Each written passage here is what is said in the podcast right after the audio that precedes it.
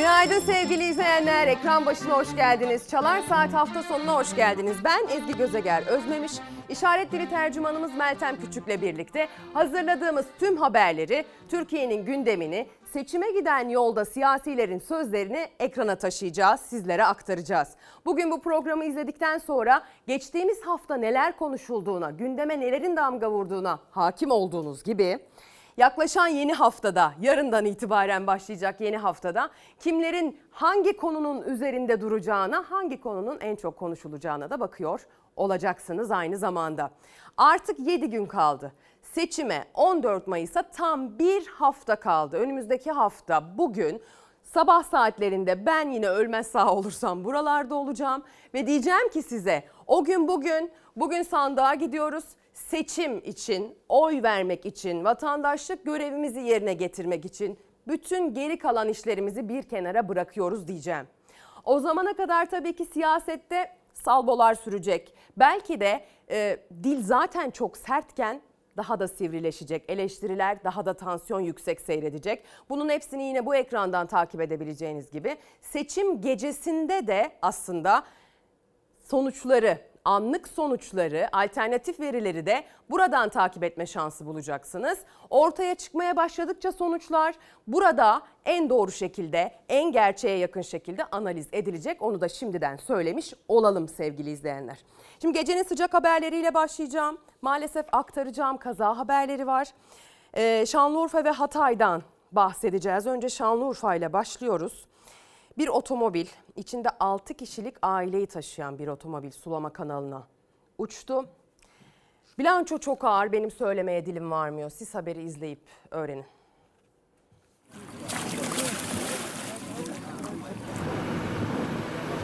Otomobilleri sulama kanalına uçtu. 6 kişilik ailenin 4 çocuğu hayatını kaybetti. Anne ve bebeği kayıp Şanlıurfa Çetin ailesinin acısıyla yıkıldı.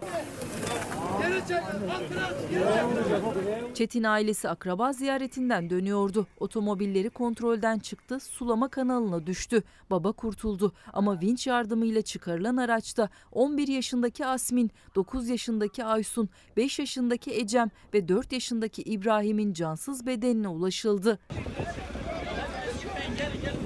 Anne Özlem Çetin ve 1 yaşındaki bebekleri Müslüm hala kayıp. Ekipler akıntıya kapılarak kaybolan anne ve bebeğini arıyor. Gerçekten e, istemezdik böyle acı bir haberle başlamayı. Bolca günaydın diyoruz sabah sizi burada güne hazırlarken belki de günün ilk saatlerinde sizinle birlikte belki de kahvaltı yaparken. Ama bazen vermemiz gereken haberler, bunu asla saklamamalıyız, izleyici bunu bilmeli dediğimiz durumlar gerçekten gölge düşürecek cinsten oluyor. Baba hayatta, çocuklar hayatını kaybetti, bir evlat kayıp, üstelik bebek. Dedim ya bilanço çok ağır, benim söylemeye dilim varmıyor diye işte bu yüzden de aslına bakarsanız. Bahsettiğim gibi bir de Hatay'dan maalesef aktarmam gereken... Ee, gece saatlerinde gerçekleşmiş bir kazanın haberi var. Belen ilçesinde tırla çarpışıp kontrolden çıkan bir hafriyat kamyonu park halindeki 11 aracı adeta biçti sevgili izleyenler. Yaklaşmayın abi ya.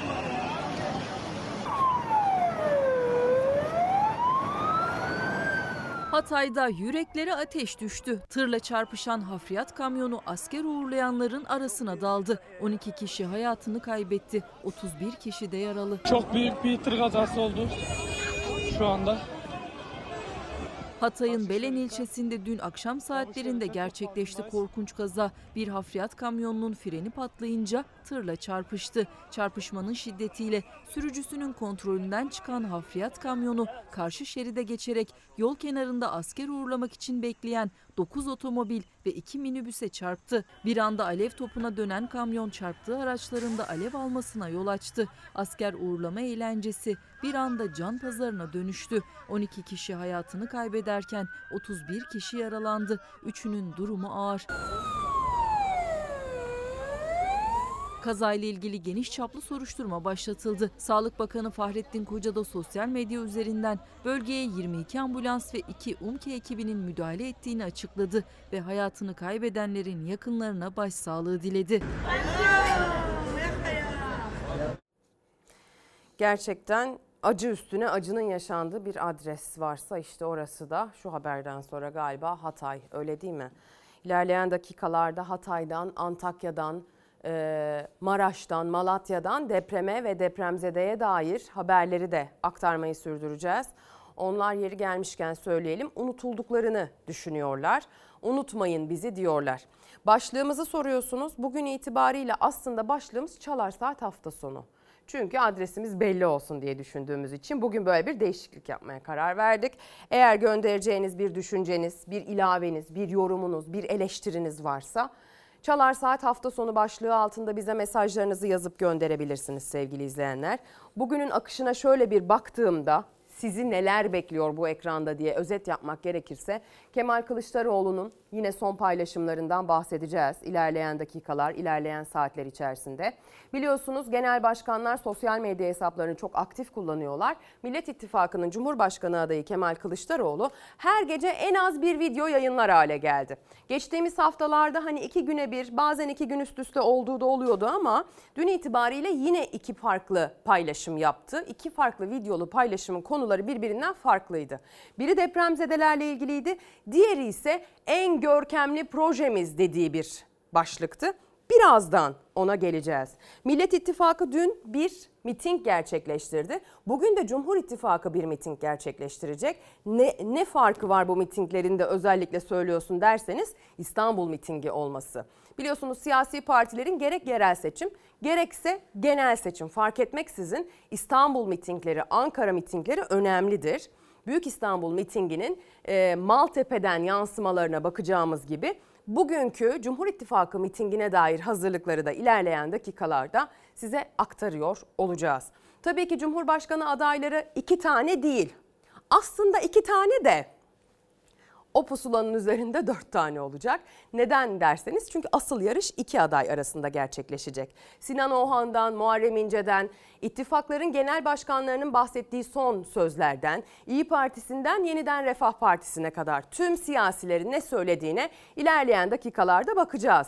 Bir de İyi Parti'den bir konuğumuz burada olacak. Kendisi Genel Sekreter Yardımcısı Uğurhan Tiryaki ve Uğurhan Tiryaki'ye İyi Parti'nin ve kendisinin bölgesine dair planlarını, projelerini e, ilerleyen dönemde buna dair nasıl hazırlıklar içinde olduklarını da sorma fırsatına sahip olacağım. İyi Parti'de hali hazırda yöneticilik yapan ve bir sonraki dönem için de iddiasını ortaya koyan bir ismi buraya bulmuşken, buraya getirmişken sizin de İyi Parti'ye İyi Partiliye soracak sorunuz varsa onları da Çalar Saat hafta sonu başlığının altında sosyal medyadan bize gönderebilirsiniz. Şimdi biraz havanın durumuna bakarak devam edelim isterseniz. Nerede ne yaşandı diyeceğiz. Sonrasında birazcık bugünün havasından önümüzdeki haftanın şöyle bir provizyon vizyonundan da bahsedeceğiz aslında. Previzyon demeliyim belki de. Mersin Anamur'da maalesef bir hortum çıktı. Ee, Antalya, Mersin çevrelerinde son dönemde değişen iklim koşulları ile birlikte hortumların görülme sıklığı arttı biliyorsunuz. Küresel iklim değişimi anormal hava olaylarının, çizginin ötesindeki hava olaylarının sayısının, süresinin, şiddetinin ve sıklığının artmasına sebep olacak denir ya zaten. Tam olarak yaşanan bu. Bu hortumdan yine maalesef en çok çiftçiler etkilendi. Ayhan kaç kaç! Ayhan kaç!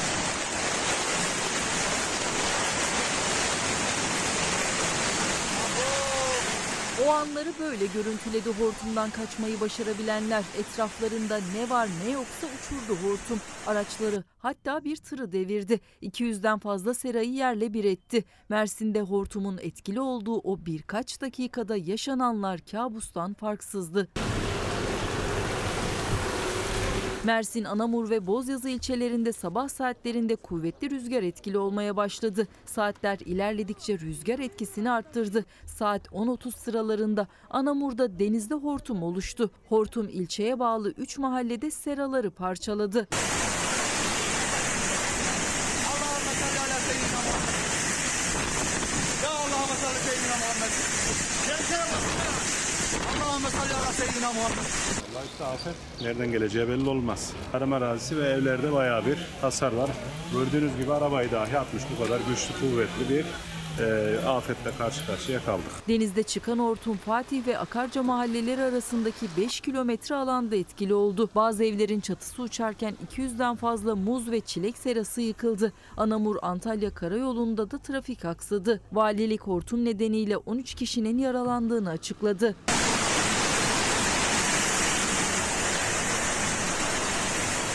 Sivas'ta da şiddetli rüzgar 8 katlı bir apartmanın çatısını uçurdu. Konya'nın Ereğli ve Karapınar ilçelerinde kum fırtınası etkili oldu. Göz Şu gözü görmedi. Önümüzdeki arabayla aramızda iki adım mesafe olmasına rağmen arabayı zor görüyoruz. Bilecik'te cami minaresine yıldırım düştü. Antalya ve Uşak'ta yağmur sürücülere zor anlar yaşattı. Ankara'da sağanak ve dolu yağışı sonrası yollar göle döndü. Bir gün önce ceviz büyüklüğünde dolu düşen Denizli'de ise aşırı yağışlar heyelana neden oldu.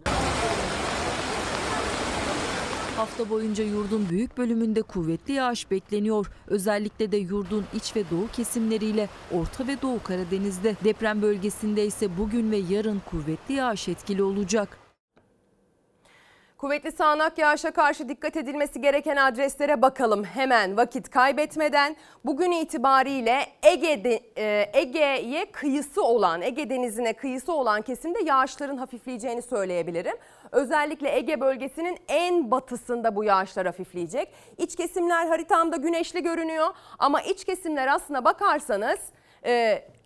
Öğle saatlerine kadar hafif yağış alabilir. Biraz bulutlar yoğunlaşırsa güneşin önü kapanabilir. Akdeniz bölgesinin batısında iç kesimlerde kuvvetli sağanak yağış görülecek. Orta Anadolu, Doğu Anadolu bugün yağış alacak. Yurdun en doğusunda kuvvetli lodos görülecek. Bu yurdun en doğusundan kastım Hakkari, Van, Ağrı ve kuzeyinde kalan iller ve e, buralarda kuvvetli lodosa karşı tedbir almak çok gerçekten önemli. Hani uçma kopma devrilmenin yanı sıra bacadan geri tepmeler, hani şofben ve soba kullanımıyla ilgili riskler oluyor ya lodos olduğunda. İşte o konuda tetikte olmak lazım. Yurdun doğusunda Doğu Karadeniz'in iç kesimleriyle Doğu Anadolu bölgesinin kuzey illerinde işte Erzurum, Erzincan, Kars, Ardahan, Ağrı çevrelerinde kuvvetli sağanak yağış geçişleri görülebilir. Şimdiden uyarmış olalım. Peki duyar gibiyim sorduğunuzu yaz ne zaman gelecek diye. Mayıs ayından genel beklentimiz yüzünü bir nebze olsun yaza dönmüş termometre değerleri ya da gökyüzünün en azından daha az bulutlu, yağışın daha az olması şeklinde oluyor. Böyle yaşadığımız için son zamanlarda. Ama aslında size bir şey söyleyeyim mi? Bütün iklim değişikliği ve iklim krizi etkilerine rağmen Biraz normali bu. Yani normali biraz yağışlı geçmesi. Bahar yağmurları, Nisan yağmurları, Mayıs yağmurları normal şartlarda olması gereken. Biz kışın yağış alamadık. Neyse ki Mart sonu, Nisan, Mayıs nispeten yağışlı geçiyor. Dolayısıyla yağmur yağmasına çok fazla kızmamak lazım ya da buna çok fazla bozulmamak lazım. Tam tersine sevinmek lazım. Sadece barajların ihtiyacı yok. Biliyorum çoğunuz İSKİ'nin baraj doluluk oranlarını her gün takıntılı şekilde takip ediyorsunuz. Ama şu an %49,26'ymış. Hemen İrfan Tomakin beni tazeledi bu konuda. Dünkü veri tabii bu sabah saat 9 itibariyle güncellenecektir. Yani %50'ye dayanmış durumda. Bakmayın yani şikayetçi olduğumuz hadi artık yaz gelsin şu yağmur gittiğimi, gitsin dediğimiz yağışlar bizi %50 seviyesine taşıdı mesela. Sadece baraj da değil bunun toprağı var, yeraltı su kaynakları var, doğal olanlar, yerüstü su kaynakları var. Baraj haricindeki doğal olanlar bunlar önemli balığından, kuşundan, börtüsünden, böceğinden, e dolayısıyla çiftçisinden, toprağından hepsine faydası var. Bu yağmurlara kızmayalım. Biraz daha kızmayacağız. Bu hafta böyle hafif yağış geçişleri devam edecek. Batıda nispeten yağış zayıf, Güneydoğu Anadolu bölgesi nispeten daha az yağış alıyor. E, yer yer kuvvetli sağanak yağış geçişleri konusunda uyarı yapacağımız bir hafta olacak. Ve sıcaklıklar da mesela bu hafta itibariyle bir anda bahara, yaza yüzünü dönüvermeyecek hani biraz serin gidecek. O yüzden lütfen dikkat diyelim efendim. Bu e, sıcaklık şöyle değişir bu mevsimde. Yeryüzü henüz yeterince ısınmadığı için güneş görüldüğü zaman aa bahar geldi dersin. Öğleden sonra güneş gider bir anda kış gelir. O yüzden gün içindeki hava değişimleri hastalığı tetikler. Tam bahar havası, hastalık havasıdır. O yüzden dikkat etmek gerekir. Bu konuda da uyarımızı yapmış olalım. Şimdi Nasıl sevindiğimiz, nasıl üzüldü, üzüldüğümüz aslında çok belirleyicidir. Kim olduğumuzla ilgili. Nasıl e, sevinirken gözümüzün neyi gördüğü, neyi görmediği hayata nasıl baktığımızın önemli bir simgesidir. Örneğin çok sevindin, çok mutlusun diye havaya ateş ediyorsan eğer bir kere bayağı bencilsin demektir. Ve bir kere e, asla bilinçli değilsin demektir. Olabilecekler konusunda hiçbir fikir sahibi değilsin demektir. Fikir sahibiysen ve bunu yapıyorsan o zaman daha kötü. Şimdi sizi Bursa'ya götüreceğim. Bir anne kız çiçek toplamaya gittikleri sırada bir yorgun mermi anne ile kızı ayırdı. 47 yaşındaki kadın 8 yaşındaki kızının yanında vücuduna isabet eden yorgun mermiyle hayatını kaybetti. 22 Nisan'da Bursa Nilüfer'de kızıyla el ele yolda yürüyordu Zekiye'de. Bayram ziyaretinden dönüyorlardı. Birlikte çiçek toplayacaklardı. Anne nereden geldiği belli olmayan bir merminin omzuna isabet etmesiyle kanlar içinde yere yığıldı. 8 yaşındaki çocuğunun çığlıklarını duyan kadının yardımına koştu. Ancak hastaneye kaldırılan kadın 13 gün boyunca verdiği yaşam mücadelesini kaybetti.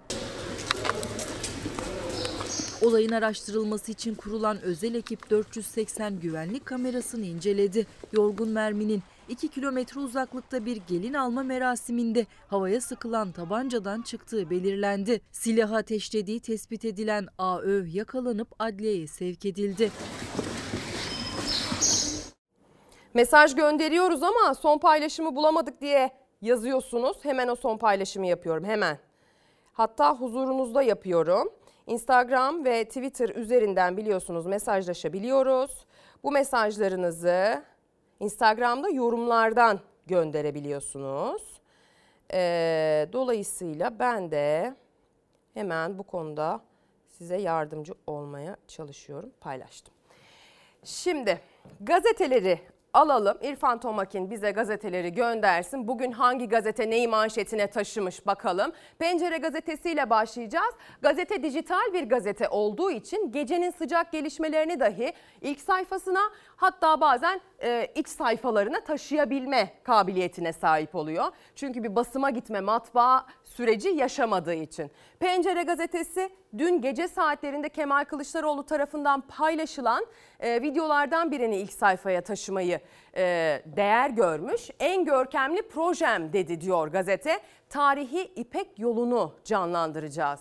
Millet İttifakı'nın Cumhurbaşkanı adayı Kemal Kılıçdaroğlu en stratejik ve görkemli projem diye nitelendirdiği projeyi açıkladı. Ne batı ne doğu Türk'ün yolu başlığıyla paylaştığı videoda tarihi İpek yolunu canlandıracağını söyledi. 5500 kilometre uzaklığında bir yoldan bahsediyor Sayın Kılıçdaroğlu. Türkmenistan, Özbekistan, Kazakistan'ı Türkiye'nin limanlarıyla buluşturmaktan bahsediyor. Çin'e doğru uzanan bu yolda o Türkiye Cumhuriyetlerin Çin'e olan bağımlılığını ortadan kaldırmak, aynı zamanda bunu bütün bu coğrafyadaki e, cum, Türk Cumhuriyetlerine fayda sağlar hale getirmek ve onların denizdeki limanı, denize açılan yüzü olmaktan bahsettiği bir proje. Hadi gelin Kemal Kılıçdaroğlu'nun o projesini kendi ağzından duyalım. Sevgili halkım, sevgili gençler, Millet İttifakı Batı yanlısı iftirasında bulunuyorlar. Onlar konuşa dursunlar. Bugün hayatımın en büyük projesini açıklıyorum. Görsünler Batı'yı, Doğu'yu ne kadar umursuyormuşum. Ben Doğu Batı diye ayırmam. Türk devletinin menfaatleri neredeyse orada olurum. Açıklayacağım proje Türk devletinin gerçek manada Türk dünyası ile buluşma projesidir. Tarihi İpek yolunu canlandıracağız. Yani Türkiye'yi Çin'e bağlayacağız. Hızlı yeni bir ticaret ve taşıma koridoru yani otoban açacağız. Bu koridor boyunca yüksek kapasiteli karayolu ile çift hat demiryolu altyapısı oluşturacağız. Tarihi İpek Yolu otobanı ve demiryolu yaklaşık 5500 kilometre uzunluğunda olacak. Bu proje denizlere kıyısı bulunmayan Türkmenistan, Özbekistan ve Kazakistan'ı Türkiye limanlarıyla buluşturacak. Türkiye, Türk dünyasının deniz giriş kapısı olacak. Bakın bu dediğim Batı'yı kaygılandıracak bunu biliyorum. Bu akşam raporlarını geçeceklerdir. Ben de diyorum ki varsın kaygılansınlar. Ha Çin'e de sözüm olacak. Bu proje aynı zamanda Çin adına büyük bir fırsat teşkil edeceği için Türkistan'a uyguladıkları zulmü durdurmaları ön şartlarımızdan biri olacak. Biz oradaki canımızı, kanımızı kaderine terk etmeyeceğiz. Yani özetle Batı da Çin de kaygılansın. Biz işimize bakalım. Bu proje herkesin kazanacağı bir projedir. Buyurun oturun masaya bizimle diyeceğiz. Tarihi İpek Yolu otobanı ve demir yolu ile Avrupa ve bu ülkeler arasındaki transit ticaret hacmimiz muazzam büyüyecek. Dış ticaretimiz en az %50 artacak. Asya ve Avrupa arasındaki en önemli ticaret güzergahlarından birine ev sahipliği yapınca Türkiye'nin dünyada ekonomik ve stratejik önemi daha da artacak. Ekran başında o kadar farklı kitleden izleyici var ki hepsinin derdi gerçekten başka. Emekliler ekran başındalar, EYT'liler ekran başındalar. Cahide Hanım mesela demiş ki emekli memur maaşları asgari ücretin altında. Duyurun halimizi e, yavrum demiş. 7900 lira maaşım memur emeklisi asgari ücretin altında. Eskiden asgari ücretin %60 fazlasıydı diyor. Buna dair bugün haberlerimiz var ilerleyen dakikalarda ekrana taşıyacağız. Ülkece 14 Mayıs'ta tarih yazacağız. Türk'ün geçmişinde tarih yazmak vardır. İşte o gün yine yazacağız ve ülkece rahatlayacağız, nefes alacağız inşallah diyor Ender Özkan gönderiyor Instagram'dan. Ordu Fatsa'dan selamınızı aldık. Fatsa Devlet Hastanesi'nin hali ne olacak? Hizmetten hiç memnun değiliz diyor. Şükrü Aşık 2 kullanıcı adıyla yine Instagram'dan bir izleyicimiz. Antalya'dan selamınızı aldık Can Ertekin göndermiş. Artık siyasi görmekten bıktık. Sakin bir hayat istiyoruz. Herkes sessizce görevini yapsın. Mutlu olmak istiyoruz diyor. O kadar haklısınız ki. O kadar haklısınız ki keşke ülke siyaseti konusunda bu kadar çok bilgi sahibi olmamızı gerektir e, gerektirecek bir e, sistemsizlik olmasaydı. Çünkü ne oluyor biliyor musunuz? Başka ülkelerde insanlar çok ahlaklı, başka ülkelerde insanlar çok daha üstün falan değiller. Gelişmiş ülkelerde sımsıkı sistemler var. Olayları kişilerin inisiyatifine bırakmayan, kişilerin e, istismarına, kişilerin görevi kötüye kullanmasına fırsat vermeyen sistemler. Uzunca yıldır kullanılan oturmuş ve herkesin tecrübe sahibi olduğu sistemler, kurallar bütünü var. Bu kurallar bütünü sayesinde insanlar o kurallara uymak zorunda da kalıyorlar. Dolayısıyla aslında o sistem kişiler değişse de ülkenin belli sınırlar içerisinde kalmasına, ülkenin hata yapma payının azalmasına imkan sağlıyor. Ama bizde maalesef öyle değil. Dolayısıyla görevini kötüye kullanan da çok, yolsuzluğa dair şüpheler almış başını gitmiş durumda. Güven kesinlikle kalmadı ne siyasete ne siyasiye. Dolayısıyla biz her şeyin başında beklemek zorundayız ya hani ormanlarımız, yeşil alanlarımız, deprem toplanma alanlarımız, mahallemizdeki parkımız, işte ne bileyim arsamız, e, zeytinliğimiz, tarlamız. Bunların hepsinin başında böyle beklemek zorundayız ya hani. İşte siyasetin de başında böyle beklemek zorunda kalıyoruz ki orada ne yaşanıyor bilmek zorunda olduğumuz için. Çünkü bilmeden bir vatandaş olarak nasıl hareket edeceğimize karar veremeyiz. Hele ki böyle bir seçimin öncesinde. Türkiye bir yüzyılı geride bıraktı. Türkiye Cumhuriyeti. İkinci yüzyılına yakışan da Cumhuriyeti taçlandıracak yeni sistemler, Cumhuriyeti taçlandıracak yeni kurallar, Cumhuriyeti taç, taçlandıracak yeni vizyonlar olmalıdır. Cumhuriyetten uzaklaşan bir ikinci yüzyıl olmaz. Bu ülkenin verdiği kurtuluş mücadelesine yakışmaz sevgili izleyenler. Şimdi yeniden Refah Partisi ile devam edeceğiz. Pek çok siyasiye sırasıyla bakacağız tabii ki ama iktidarıyla muhalefetiyle hepsine bu ekranda yer var. Yeniden e, yeniden Refah Partisi'nin e, Genel Başkanı Sayın Erbakan bir konuşma yaptı.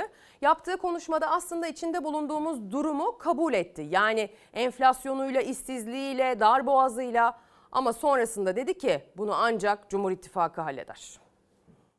Ekonomik sıkıntılar var, işsizlik var, çiftçi, küçük esnaf sıkıntıda, enflasyon var. Yedili masa söylüyor bunları. İyi bunları söylüyorsun da bunlar var ama bunları sen mi çözeceksin Allah aşkına? Cumhur İttifakı ortağı yeniden Refah Partisi Genel Başkanı Fatih Erbakan, Millet İttifakı'na sorunları siz mi çözeceksiniz derken muhalefetin de bugüne kadar iktidarı eleştirirken kurduğu ekonomik kriz, işsizlik, hayat pahalılığını kabul etti. Bunlar var ama diyerek tarımdan ekonomiye vaatlerini sıraladı. Tarımda kullanılan mazottan vergi alınmaması, gübre başta olmak üzere çiftçinin girdilerinin devlet tarafından sübvanse edilmesi, Tarıma yönelik çok hazırlıklıyız. Kooperatifçiliğe çok önem vereceğiz. Ödenmesi mümkün olmayan borçlar zaten ona göre yapılandırılacak. Muhalefette sorunlu gördüğü her alana dair iktidarın yanlış politikalarını eleştirerek vaatlerini açıklıyor. Cumhur İttifakı ortağı Fatih Erbakan da Bingöl, Elazığ ve Erzurum'da partilileriyle buluştu. Tarım ve ekonomi önceliğindeydi. tarım ürünlerine en yüksek taban fiyatlarının verilmesi, bütün kotaların kaldırılıp atılması, Bir yıl içerisinde enflasyon %20'ye düşer. İkinci yılda da tek haneli düşer. Bu bir sözdür. Ekonomideki sorunları giderme, sosyal destekleri arttırma, muhalefetin her kesime sözü var iktidar değişiminde. Cumhur İttifakı ortağı Erbakan da sorunların çözümü için söz veriyor. her türlü mücadeleyi meclis çatısı altında inşallah yürüteceğiz. Evde yaşayan kadınları ve 18-26 yaşındaki gençlere hiçbir şart ileri sürmeden 2500 lira yardım yapacağız. Emekli memura ve çalışanlara. Çalışanlara Emekçi. e, Emekçiye e, demiştiniz. En az %50. En az %50. İngiltere'den, Londra'dan 300 milyar dolar borç getireceğim. Bu borçla çözeceğim. Ya biz zaten borçtan kurtulmaya çalışıyoruz. Sen 300 milyar dolar daha borç getiriyorsun. Hırsızlığı kestiğiniz dakikada, yolsuzluğu kestiğiniz dakikada, şeffaf denetleme ortaya koyduğunuz andan itibaren Türkiye'nin kaynakları var. 85 milyon vatandaşının her biri tarihinin en güvenli, huzurlu, rahat, müreffeh dönemini yaşarken Sandığa sayılı günler kala Erdoğan'ın her şey yolunda mesajı, ittifak ortağı Yeniden Refah Partisi lideri Erbakan'ın sorunlarla mücadele sözü, verilen her vaat seçimin en çok konuşulan başlığı. Şimdi dün itibariyle tabii Maltepe'de müthiş bir miting vardı. Miting alanı hınca hınç dolmuş durumdaydı. Mitinge dair paylaşılan fotoğraflarda aslında çıplak gözle görülen bir manzara var sevgili izleyenler. İnternet üzerinden farklı farklı pek çok kaynaktan bakabilirsiniz. Sosyal medyadan bakabilirsiniz. Yoğun bir katılımın olduğunu görmek için gerçekten birazcık göze dair, görmeye dair problem sahibi olmak lazım. Pek çok gazete bunu ilk sayfaya taşımış. Hepsi farklı manşetler atmış. Değişim coşkusu diyen var. Devleti bir kişiye teslim etmeyeceğiz diyen var. Ee, bu saltanat son bulacak diyen var. Varoğlu var. Hepsinden bahsedeceğiz. Sözcü gazetesinin manşetini okuyarak başlayalım. İlerleyen dakikalarda haberini de vereceğiz. Devleti bir kişiye teslim etmeyeceğiz manşeti atmış Sözcü. Millet İttifakı'nın 8 lideri İstanbul'da miting yaptı diyor. 13. Cumhurbaşkanı adayı Kılıçdaroğlu ve ittifak liderleri miting alanını dolduran yüz binlere seslendi. Halka hırsızlık düzenini ortadan kaldıracağız sözü verdi. Yoksullaşmış kesim mitingdeydi diyen var. Meydanlar geri sayıma başladı diyen var. Hemen altta konuya dair Aytunç Erkin'in ve İsmail Saymaz'ın izlenimleri aktarılmış. Birer cümle okuyalım. Aytunç Erkin diyor ki Millet İttifakı'nın mitinginde ne mi gördüm? Türkiye'nin yoksullaşmış kesimleri miting alanındaydı ve soğanı boynuna takmış gelmişti. Birazdan o beyefendiyle sizi tanıştırma fırsatım olacak. Yüz binler miting meydanına aktı diyor İsmail Saymaz izleniminde. İlginç pankartlar vardı. Meydan geri sayıma başlamış olmalı ki pankartta AKP'li son 8 gün yazıyordu diyor. O pankart da zaten gösterilmiş sevgili izleyenler. Birazdan o mitingden pek çok izlenimi size aktarma fırsatım olacak. Siyasilerin o miting meydanında çıkıp verdiği mesajları birer kuple ekrana taşıma fırsatım olacak. O yüzden bizimle kalın. Ama şimdi size iyi bir haber vereceğim. Bu fırsatı her zaman yakalayamıyoruz maalesef. Çünkü bu mesleği Finlandiya'da, Kuzey Avrupa'da falan yapmıyoruz. Ülkemize bayılıyoruz orası ayrı. Ama iyi haber verme fırsatını da kaçırmıyoruz. Antalya, Antalya'ya doğru gideceğiz. İlk Antalya deyince aklınıza ne geliyor? Ruslar geliyor, tatil geliyor. Rejiden gelen cevaplar. Antalya'da piyaz geliyor. Tahinli mi? Tamam evet o da güzel. Şimdi Antalya'ya doğru gideceğiz. Vereceğimiz iyi haber turizme dair kırılmış bir rekor.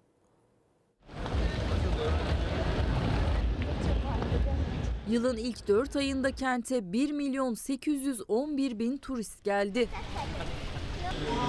Turizm cenneti Antalya her yıl milyonlarca turistin akınına uğruyor. Sadece yaz aylarında da değil, kış aylarında da turistlerin tercihi Antalya. Ocak, Şubat, Mart ve Nisan aylarında 2 milyona yakın turisti ağırladı. 2023 yılının ilk 4 ayında ağırlanan turist sayısı 1 milyon 811 bin. Sadece Nisan ayında 1 milyon 11 bin turist giriş yaptı kente. Geçen 4 aylık dönemde Almanya'dan gelen turist sayısı %33 artışla 446 bin oldu. 201 bin İngiliz, 393 bin Rus, 86 bin Hollandalı, 78 bin Polonyalı turist geldi.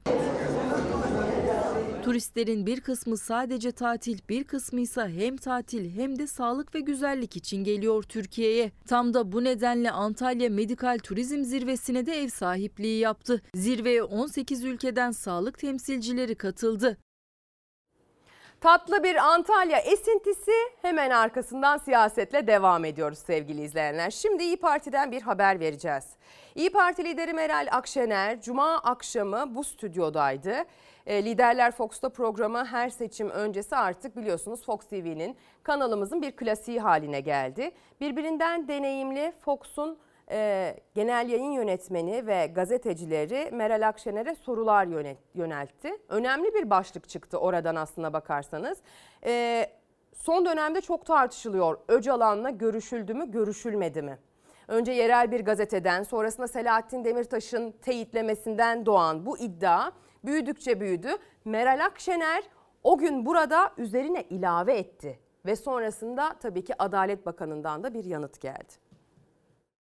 Yargıdan üst düzey bir kişinin gittiğini, oraya farklı bir isim yazdırdığını biliyorum. Hakimmiş de falanmış da açıklayamazmış da yahu niye açıklamıyorsun? Varsa öyle bir belge iddiasını yapıyorsun arkasına koysana. Bakın aslında teyit ediyor. Bak hakim diyor.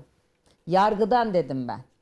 Ya savcıysa yargıç demedim, savcı demedim, hakim demedim. İyi Parti lideri Meral Akşener'in iktidar seçim öncesi İmralı ile temas halinde. Yargıdan bir ismi de adaya gönderdiler iddiası. Akşener bir seçim klasiği olan Liderler Fox'ta programında iddiasını sürdürdü. Adalet Bakanı Bekir Bozdağ'ın hangi hakim ifadesi Akşener'e göre itiraf. O hakimin adını açıklayın diyor. Hakim olduğunu kendisi söylüyor. Ahaha. Ee, o belge... Yakalandı.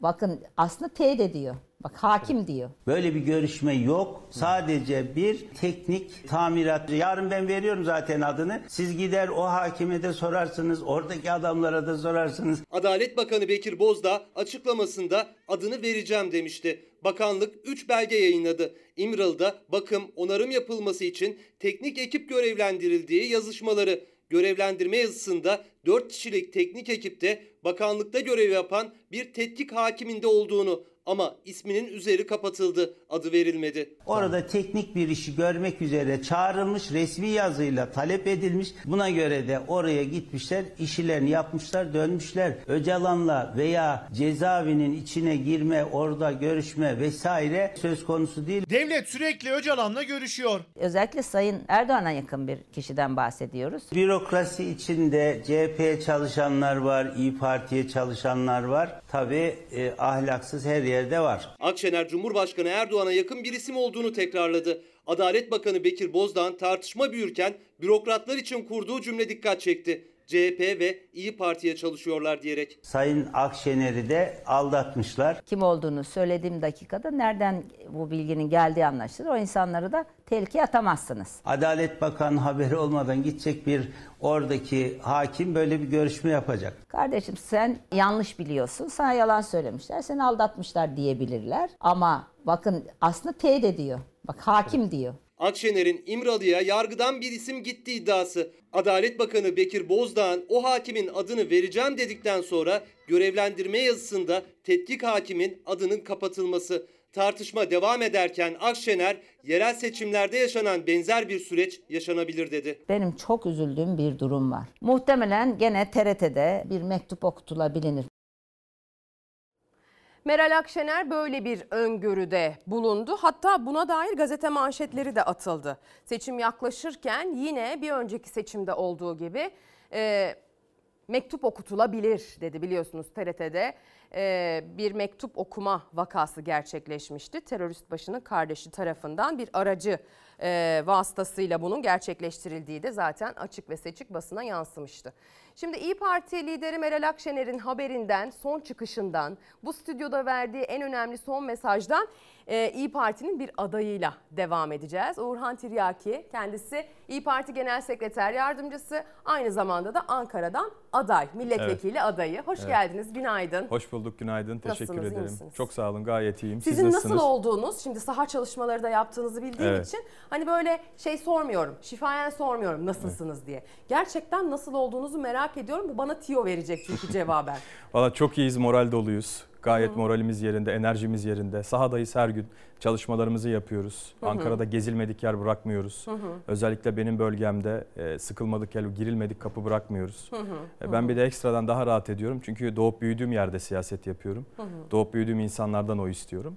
O yüzden kendimi e, bir tık daha şanslı hissediyorum. Evinizdesiniz. Evimdeyim. Evet. Ee, siz aslında iş insanısınız. Buna dair Evet. bir aileden geliyorsunuz Evet. ama siyasete atılmayı tercih ettiniz.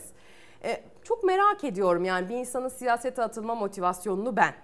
Vallahi benim siyasete atılma motivasyonum e, Sayın Genel Başkanımızın verdiği mücadeleye hayranlık duyarak başladı. Hiçbir siyasi parti hiçbir tanıdığım yoktu. Ailemde de yok.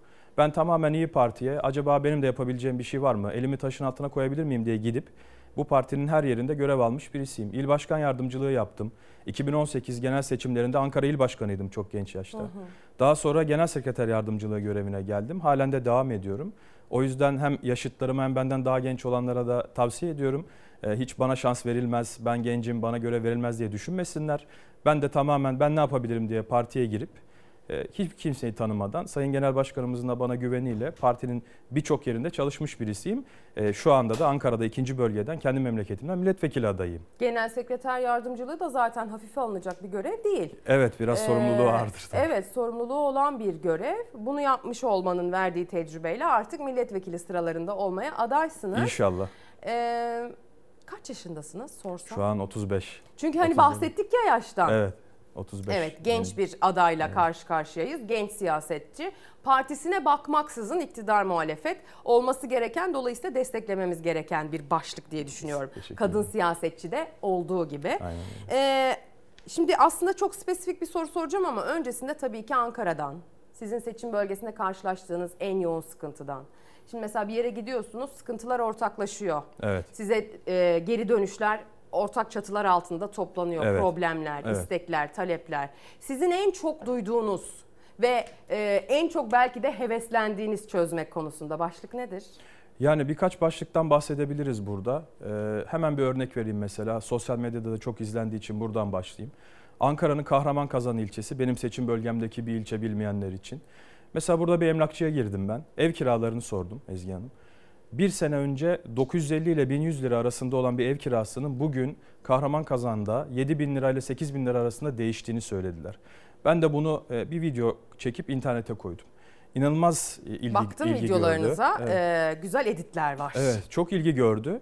Burada tabii yine her zamanki gibi hükümet suçlu değil. Bunu hemen ayırıyor kendisinden. Ev sahipleri suçlu, kiracılar suçlu ama bir türlü bu işlerden sorumlu olan geneler suçlu değil. Kızılcahamam'dan bir örnek vereyim hemen size. Bir e, çarşıya girdim. Bu Bir virgül koyun. Tabii. Kira demişken çünkü buna dair benim aktaracağım bir hikaye vardı zaten Evet. hali hazırda. Tam yeri geldi. İsterseniz onu beraber izleyelim. tabii. Ee, öyle bir durumdayız ki içinde bulunduğumuz sistem aslına bakarsanız kiracıyla ev sahibini de karşı karşıya getirir Evet. durumda. %25 bir üst sınır kondu ama Hı %20 %25 üst sınır bazı ev sahiplerine haksızlık, bazı kiracılara ise zaten uygulanmadığı için, denetlenmediği için bir işe yaramıyor. Dolayısıyla ev sahibiyle kiracı karşı karşıya gelmeye her gün ajanslara buna dair kavga dövüş, dava, dosya, mahkeme başlıkları düşmeye devam ediyor. Evet maalesef.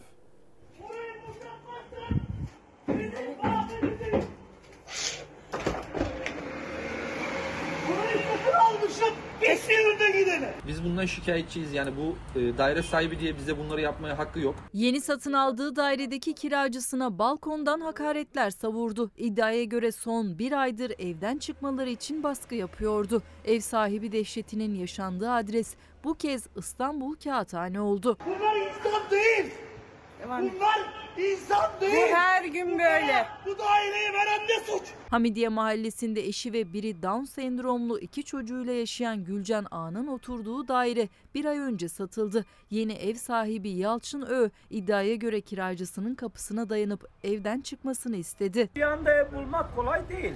Şu anda hiçbir yerde ev yok. Evler almış başını gidiyor. Kiracı anlaşma yoluna gitmek istedi ancak ev sahibi yanaşmadı. Ailenin evden çıkması için yapılan baskının şiddeti her geçen gün arttı. Sadece bizim oturduğumuz bina değil de daha farklı insanlar da rahatsız oluyor. Küfürler ediyor.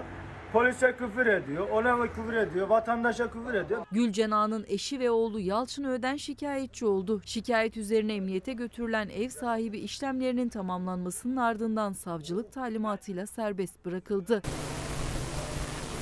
Yine İstanbul'da bir başka adres. Sultan Gazi'de ev sahibi evi boşaltmasını istediği kiracısının elektrik ve su aboneliğini iptal etti. Ben 22 yıldır bu binada oturuyorum. Hiçbir gün ne kiramı aksattım, ne bir su faturamı aksattım, ne bir elektriğimi aksattım. Hiçbir problemimiz yoktu eski ev sahipleriyle. Bu adam 7 yıl önce burayı aldı. Onunla anlaştık. Şimdi yukarıda Afganlar var. Onların akrabasını getirdi. Dedi siz az kira veriyorsunuz. Ee, onlar kadar kira verseniz Son iki yıldır evimi ben satacağım diyorum. Tadilat dolayısıyla tadilat yapmadan satamıyorum. Ben ev bulacağım, beni oyalıyor. Ne zamana kadar? iki yıldır evimde beni oyalayıp duruyor. Ben satışı yapamıyorum. Yok bahanedir. Ben dedim sattıysam ben zaten sattığın gün çıkacağım. Yani ev sahibiyle anlaştım mı anlaştım. Anlaşmadığım zaman çıkacağım. Kiracı Kazım Yıldız ve ev sahibi Ömer Yıldırım karşılıklı mahkeme yoluna gitti. Bak suyu elektriği kapatacağım artık çık. O tamam diyor. Ben çıkacağım diyor. Bayramda çıkacağım diye köye gidiyor. Bayramda memlekete gittim telefon açtı bana. Dedi haberin olsun su elektriğini keseceğim. Ben dedim bekle kesme ben İstanbul'a geldiğim zaman tamam 3 ay içinde ev bulup çıkacağım zaten senin evinden. Yok dedi. Kazım Yıldız evi boşaltamıyor. Elektriği suyu kesik. Hava makinesiyle yaşayan annesiyle birlikte mahkemenin sonuçlanmasını bekliyor. Bu ve buna benzer pek çok hikaye var. Ev sahibi dertli, kiracı dertli. İki tarafta da kötü niyetli de var. İki tarafta da mağdur da var. Ee, ve hikayeler çok acıklı. Dava dosyaları birikmeye devam ediyor. Buyurun lütfen. Şimdi burada kiracılarla ev sahiplerinin karşı karşıya gelmesi gibi bir durum var. Burada yine kontrolü sağlayacak olan devlettir. Devletin de başında olan iktidardır. Genel sorunumuz bu zaten Tabii. galiba. Yani- Siz ortaklaşmış diğer sorunlara devam ediyordunuz. Aslında böyle Evet. bir yelpaze görmek Evet, isterim. evet. Ve mesela bir örnek daha vermek isterim. Yine benim seçim bölgemden Kızılcahamam ilçesinde e, esnafları ziyaret ederken esnaflardan şöyle bir şey duydum ben. Özellikle girdiğim kasap malzemeleri satan bir dükkandı. E, bir malı 100 liraya mal ettiğini, 110 liraya da sattığını, malı tekrar almaya gittiği zaman, malı almak istediği zaman 120 liraya alabildiğini söyledi. Yani bu ne demek biliyor musunuz Ezgi Hanım? Bu insanlar çalışa çalışa, mal sata sata iflasa sürükleniyorlar demek. Bu insanın içindeki çalışma azmini de bitirir. Çalışma şevkini de bitirir. Evet. Dolayısıyla insanlar çalışmasak daha iyi haline gelirler. Bunu çözmek için de ortada bir çözüm önerisi üreten de yok. İnsanlar sorunlarıyla o kadar çok baş başa kalmışlar ki gittiğim yerlerde şunu görüyorum ben. O kadar uzun süre sorunlarla baş başa kalmışlar ki sorunu tarif etmişler. Sorunu nasıl çözeceğine dair kafa yormuşlar. Sorunu kimin çözeceğini de bulmuşlar. Paket halinde hazırlamışlar. Sizin sadece yapacağınız dokunmak. Dokunduğunuz anda size bir feryat halinde bu işi anlatıyorlar. Ve biliyor musunuz ben o videoyu e, kaldırmak zorunda kaldım. Çünkü e, küçücük derdini anlatan yani bu size bahsettiğim derdini anlatan o esnafımıza o kadar çok baskı yapmışlar ki kendisi benden rica etti. Ya lütfen kaldırabilir misiniz? Çok fazla baskı yapıyorlar bana diye. Ben o videoyu kaldırdım kendisi Mahalle rahatsız olmasın baskısı. diye. Aynen öyle. Etrafındaki Etrafında farklı kim bilir kimler oy verecek bilemiyoruz. seçmenler. Belki elinde güç olan erkeklerden de baskı yapmış olabilirler. Sahada böyle bir hani sizi karşısında gördüğünde, muhalefetten bir adayı, bir siyasiyi karşısında gördüğünde çekince yaşayanlarla sık rastlaşıyor musunuz? Yani çekinceden ziyade e, ilk etapta yanımızda kameralar varken derdini anlatmaktan utanan veya derdini anlatmak istemeyen bizim milletimizde öyle bir şey eksik yanını anlatmaktan hoşlanmıyor. E, bunu anlatmayı çok e, benimsemiyor. Bunu anlatmayı çok istemiyor. Ama şöyle biraz sohbet ettiğiniz zaman, kameralar biraz çekildiği zaman, baş başa kaldığınız zaman, hemşire olmanın da verdiği o samimiyetle insanlar dertlerini e, rahatça anlatıyorlar. Ya bir, bir eve konuk oldum yine başka bir ilçemizde. Orada da mülakatla alakalı, torunlarıyla alakalı sıkıntı çeken bir annemiz vardı. Onu da izledim. Çok, çok dert yandı. Çok bizim de içimiz yandı. E şimdi mülakatı kaldıracağız diyorlar. 20 sene boyunca hakkı yenenler ne olacak? Bununla alakalı hiçbir şey söylemiyorlar. O teyzemize ne cevap vereceğiz?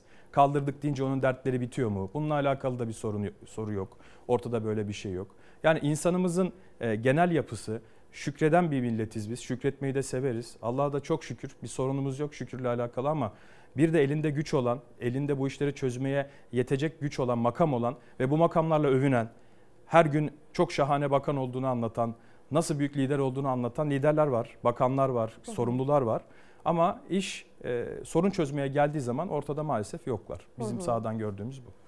Kendinizi çok iyi ifade ediyorsunuz. Teşekkür Ee, kendinizi sosyal medyada da çok iyi ifade Evet. ediyorsunuz. Çünkü siz yaş itibariyle aslında bunu kullanmaya daha yatkınsınız diye düşünüyorum ben. Çünkü Evet. kendi yaşıtlarımda bunu görüyorum. Ee, genç siyasetçiyle ileri yaş siyasetçi arasındaki farkı zaten gözle görülür bir şekilde herkes Evet. gözlemleyebilir sosyal medya üzerinden. Genç siyasetçi olmanın sizce avantajı ne? Ya çok avantajları var, dezavantajları da var. Onları da alalım. Ee, avantajı şu, gereken enerji, e, gereken cesaret, gençliğin de getirdiği e, bir şey. Fakat ben hep şunu söylerim, yakın çevremde de, ben kendimden çok yaşça büyük insanlarla da beraber çalışıyorum. Mevkidaşlarım da yaşları benden büyük. İl başkanı iken de öyleydi. Ne onların bilgeliği, önderliği olmadan oluyor. Ne bizdeki Tecrübe de enerji, başka bir e, şey, tabii, tabii. ne onlardaki tecrübe olmadan oluyor. Ne bizdeki enerji olmadan oluyor. Bunu biz çok iyi harmanlayabilmiş bir partiyiz. Hı hı. Genel başkanımızın da benim gibi birçok gence fırsat verdi. Listelerimizde de var. Ee, bizim dinamizmimiz, bizim enerjimiz, onların tecrübesiyle yepyeni bir siyaset sayfası açacağız siya- e, 14 Mayıs'tan sonra. O zaman ben şimdi yönetmenimden e, Hürriyet Gazetesi'nin manşetini isteyeyim. İrfan Tomakin bize göndersin. Çünkü tesadüfen böyle bir manşetle karşılaşınca sizin de hani iş insanlığı tarafınız, ailenizin yaptığı iş anlamında bildiğimiz için bu soruyu size soralım istedik. Evet. Stok yapana ifşa cezası. Stoklarında sıfır otomobil olduğu halde satmayan, yüksek fiyat talep eden bayilere 4,5 milyon liraya kadar ceza kesilecek ve isimleri ifşa edilecek. Ticaret Bakanlığı bu anlamda şikayetleri değerlendirdi. Yönetmelikte dün gece bir değişiklik yapıldı. Stokta olduğu halde o sıfır otomobili satmayan, daha yüksek para isteyen, takas edilecek ikinci el araca düşük fiyat veren bayilere ağır cezalar kesilecek. Bu bizim e, yakın çevremizde arkadaşlarımızın yaşadığı bir şey. İzleyicilerimizin mesaj gönderdiği bir konu başlığı. Mesela geçen gün bir izleyicimiz Van'dan bir mesaj gönderdi. Dedi ki e, işte X firmasının Van bayisine gittim benden ekstra 60 bin lira para istedi Evet, dedi. duyuyoruz bunları. Bu konuyla ilgili e, bu önlemi yeterli buluyor musunuz? Bunun sebebini nasıl okuyorsunuz? Yani şöyle ifade edeyim ben kendimi. Ee, bu konuyla alakalı ben de yakından takip ettiğim için biliyorum. Tabii devletin bunu çok sıkı takip etmesi gerekir. Çünkü insanlar mağdur oluyor burada. Bir ürünü değerinden fazla yani el altından para isteyerek bir insana teklif etmek her şeyden önce bir kere piyasanın dengesini bozar ve insanlar suçtur ve insanlara da o markaya olan güveni de ortadan kaldırır. Hatta şu anda bazı markalar duyuyorum ben e, bayilerinin sistematik şeylerini değiştiriyorlar. Yani bayilikten çıkartıp acentaya döndürüyorlar. Satışları direkt fabrika mağazasından ya da Türkiye dağıtıcılarından kendileri yapmayı planladıklarını da e, ben duyuyorum. Tabii bu işi çok sıkı kontrol etmek ve cezalandırmak gerekir. Fakat piyasayı bu şartlara iten şartlara da bir bakmak gerekir. Yani bu insanlar niye stok yapıyorlar? Niye araç bulunamıyor bu ülkede? Fiyat dengesizliği mi var? Arabanın kaça satılacağı belli değil mi? Satan adam sata, sattığından zarar mı ediyor, kar mı ediyor? Bunlara da bakmak Kur lazım. dengesizliği var. Tabii. Araç azlığı var. Tabii. Aracın geldiği zaman hangi kurdan sınıra gireceğinin belli olmaması gibi bir durum söz konusu. Tabii. Bir çip yetersizliği zaten global O pandemiden yaşanan dolayı olmuştu. sorundu. Böyle peşi sıra gitti galiba Tabii bu peşi sıra sorunlar. bunlar devam ediyor. Tabii bunu rant haline getiren, bunu bir farklı kazanç haline getirmeye çalışan art niyetli insanlar da olabilir ama az önce önce verdiğim örnek gibi yani e, bunu büyüterek devam ettiğiniz zaman aslında araç sektörüne de ulaşıyorsunuz. Yani benim girdiğim esnaf da mal sattığından mutlu değil. Sattığı zaman para kazanamadığını Genel bir ifade manzara. ediyor. E, daha büyük çaplı ticaret yapan da yaptığından memnun değil. Aslında az önce size söylediğim ben ticaret yaparken insanların zarar ettiği, ticaret yaparken iflasa sürüklendiği, ticaret yapmanın e, şevkinden bunu e, bundan vazgeçmeye başladığı dönemler yaşıyoruz şu anda. Evet. Çözüm bulunması gereken konu işte bu. Yani tabii burada art niyetli kimse bunu insanları mağdur edecek şekilde kim eline almış insanlardan ekstra para istiyorsa çok ciddi şekilde cezalandırılması gerekir. Buna karşı değiliz. Ama sadece bunu yapanları cezalandırıp bunu meydana getiren sebeplere de arkasını dönmek Doğru. o da devlet yönetmek değil. Evet. Biraz yüzeysel bir çözüm Tabii. getirmek oluyor Aynen öyle, öyle, oluyor. değil mi? Aynen öyle oluyor. Seçim yaklaşıyor. Tam bir hafta kaldı. Bu bir hafta içerisinde sizin temponuz hiç düşmeden artarak Artar. devam edecek. Üstelik 14 Mayıs, 15 Mayıs dendiğinde diyelim ki istediğiniz şekilde sonuçlandı seçim. Asıl temponuz da o zaman Tabii. başlayacak. Nedir bu son bir haftaya dair hem seçmene çağrınız hem belki de e, ittifakınızda bulunan siyasilere de olabilir. Yani biz pazartesi şöyle bir karar aldık ekibimizle beraber. Ee, seçim startını pazartesi veriyormuş gibi tekrar sahaya çıkıyoruz. Hı hı. Bütün ilçelere hiç gitmemişiz gibi tekrar baştan başlıyoruz. Tekrar Bunu başka partilerden de duyuyorum. Evet yani insanların hem e, psikolojisini ayağa kaldırmak hem bir tekrar bir enerji bulmak için bunu yapacağız. Çok ciddi hazırlığımız var. Biz şu anda iktidara en hazır partiyiz. Bütün projelerimizle, ekonomi kadrolarımızla, kurmaylarımızla. Seçim beyannamelerimiz bile bizim kişiye özel. Hı hı. İnternet sitesine girdiğimiz zaman e, Türkiye Tarih Yazacak.com'a girdikleri zaman orada kişiye özel, ile özel seçim beyannamelerimizi görebilirler. E, biz bunları insanlara anlatıyoruz. Fakat şöyle bir problemle karşılaşıyoruz. E, biz ne zaman ülkedeki sorunları anlatmaya kalksak Ezgi Hanım, bizim karşımıza başka şeylerle çıkıyorlar. Yani biz ülkedeki e, problemlerin problem olduğunu siyasi erkeğe anlatamıyoruz, ikna edemiyoruz. Yani önce e, ülkede pahalılık var, ev kiraları ile ilgili problem var, işsizlik var dediğimiz zaman işte patates soğanı ülkeyi değişecek misiniz diyor. Yani biz ya patates soğanı ucuzlatacağız ya da ülkeyi mi yöneteceğiz? Yani ikisini birden yapıl- yapılamıyor mu? Ülke güzel yönetilirken insanların gıda ile ilgili sorunları çözülemiyor mu? Biz insanlara bunları anlatıyoruz çünkü onlara devamlı öyle dezenformasyon yapıyorlar. Gördünüz mü patates soğan diyorlar, gördünüz mü pahalılık diyorlar, gördünüz mü ev kirası diyorlar. E ne diyeceğiz biz? Vatandaşın problemi bu. Bana bundan dert yanıyor. Ben de bunu yüksek sesle dile getiriyorum. Bugün sokakta, yarın mecliste dile getireceğiz. İnsanların derdini anlatıyoruz. Ama bunu ikna edemiyoruz. Yani yanlış bir ekonomi politikası yürütüyor mesela Türkiye. Ekonomi Bakanlığı yanlış bir ekonomi politikası yürütüyor. Ama bu ekonomi politikasının yanlış olduğunu anlatabilmek için e, mücadele ediyoruz. Kaç tane Merkez Bankası Başkanı, kaç tane Ekonomi Bakanı değişti bunun yanlış olduğunu anlayabilmeleri için. Ama hala e, aynı şekilde devam ediyor. Biz anlatmaya devam edeceğiz. Hı hı. İnsanların sesini değiştirmeden, üstüne bir şey koymadan yüksek sesle anlatmaya devam edeceğiz. Onların sesine ses Onların sesine ses olacağız. Biz de görevimizi yerine getirirken bir nevi onların sesine ses oluyoruz, topluma ayna tutuyoruz. Dolayısıyla siyasileri stüdyomuzda ağırlıyoruz sevgili izleyenler. Bir hafta kaldı seçime. O seçimin sonucu sizin için çok önemli. Evet. Herkes için eş değer, e, öneme sahip bir seçim yaklaşıyor. Ama dünyanın sonu da değil. Savaşa da gitmiyoruz. Tabii ki. Demokrasilerde sandık gayet doğal bir sonuçtur, araçtır. O yüzden biraz meseleye de böyle bakmak Tabii. lazım diye düşünüyorum. Önümüzdeki hafta bugün belki de bu saatlerde gideceksiniz, sandıkta oy kullanacaksınız. Sonra nerede buluşacaksınız? Ona bir bakalım. Nereden aldın? Nereye getirdin? Demek ki halk değişim istiyor. Sandıkları korumak benim işim, benim. Ata ittifakı güneş gibi parlayacak. 14 Mayıs'ta Türkiye önce sandık başına, sonra ekran başına gidecek. Sandıkta 4 aday var ama ekranda seçim belli. Türkiye haritası 87 seçim bölgesi. İl il bakacağız. Konya, Ankara, Yozgat, Çanakkale, İstanbul, İzmir. Bir dur, bir dur İlker dur. Bir. Vakit var da. Cumhurbaşkanlığı milletvekili seçimi birlikte yapıldı. Fox'ta seçim yayını Gülbin Tosun'la ana haberden hemen sonra başlayacak. Selçuk Tepeli ve İlker Karagöz sandık sandık tüm sonuçları anında Türkiye'ye ulaştıracak. Kamuoyu araştırmacısı Bekir Ağırdır o sonuçları sıcağı sıcağına yorumlayacak.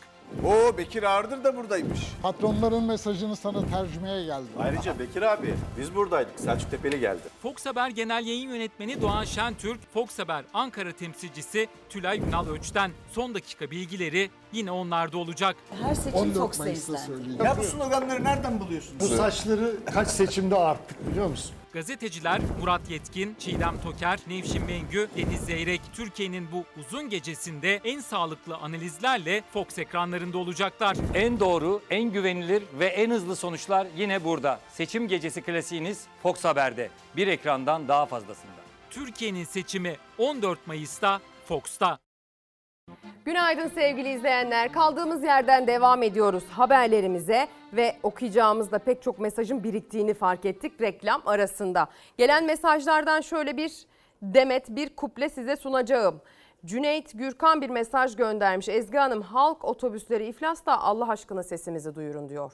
Halk otobüslerinin durumunun e, iyi olmadığını dile getiriyor. Ayşe Küçük ekran başında iyi, iyi yayınlar dileklerini iletmiş. Günaydın demiş sağ olsun. Krizlerden, kaoslardan, entrikalardan bıktık. Tehditlere, hakaretlere, baskılara maruz kalmaktan bıktık. Yeter artık mesajını gönderen izleyicimiz Bülent Demir sevgili izleyenler bir mesaj göndermiş. Pek çok mesaj var. Tek derdimiz malum Ezgi Hanım bahar gelsin artık diyen bir izleyicimiz ismine bakıyorum İbrahim Çelebi Instagram üzerinden mesajını gönderiyor. Asgari ücretin durumunu merak edenler Pelin Hanım onlardan bir tanesi. Bizim için dua eden Metin Gül beyefendiye çok teşekkür ederiz. Ee, pek çok mesaj var. Özel sektörde öğretmenlik yapanlar ekran başında. Tabii ki kazancım yetmiyor. Adam yerine konmak, daha yüksek maaşla çalışmak istiyorum. Asgari ücretliyim diye göndermiş. Özel okulda çalışan bir öğretmen. Antalya'dan selam sevgi gönderen var. Ee, seçim gecesi Fox'ta olacağını söyleyenler var. Pek çok mesajınız geliyor. İlerleyen dakikalarda bu dop dolu içeriğin arasında sizin de bu mesajlarınızı yayınımızı zenginleştirmek için kullanacağız. Sesinizi duyurmak amacıyla. Gazetelere de bakacağız tabii. Cumhuriyet Gazetesi'ni okumadık. İlk sayfasında önemli detaylar var. Örneğin bir tanesi sosyal konut meselesiyle ilgili. Can güvenliği nasıl kuraya tabi olur başlığını atmış tırnak içinde Cumhuriyet. İBB'ye dönüşüm için 25 bin başvuru. Kiptaş Genel Müdürü Ali Kurt, İBB'nin İstanbul yenileniyor sistemiyle iktidarın yarısı bizden kampanyasını karşılaştırdı. Kurt, bizim tek koşulumuz uzlaşma, onlarsa kura şartı getirdi. Kentsel dönüşüm can güvenliği sorunu, milli piyango gibi olmamalı dedi diyor Ali Kurt için biliyorsunuz. Matematiksel bir gerçek var ortada. Sosyal konut projesi yapıp sabit taksit uygulayan tek kurum şu anda e, İBB iştiraki Kiptaş'tır. Bu da matematiksel bir gerçektir. Cumhuriyet Gazetesi'nden bir başka detayı okuyalım.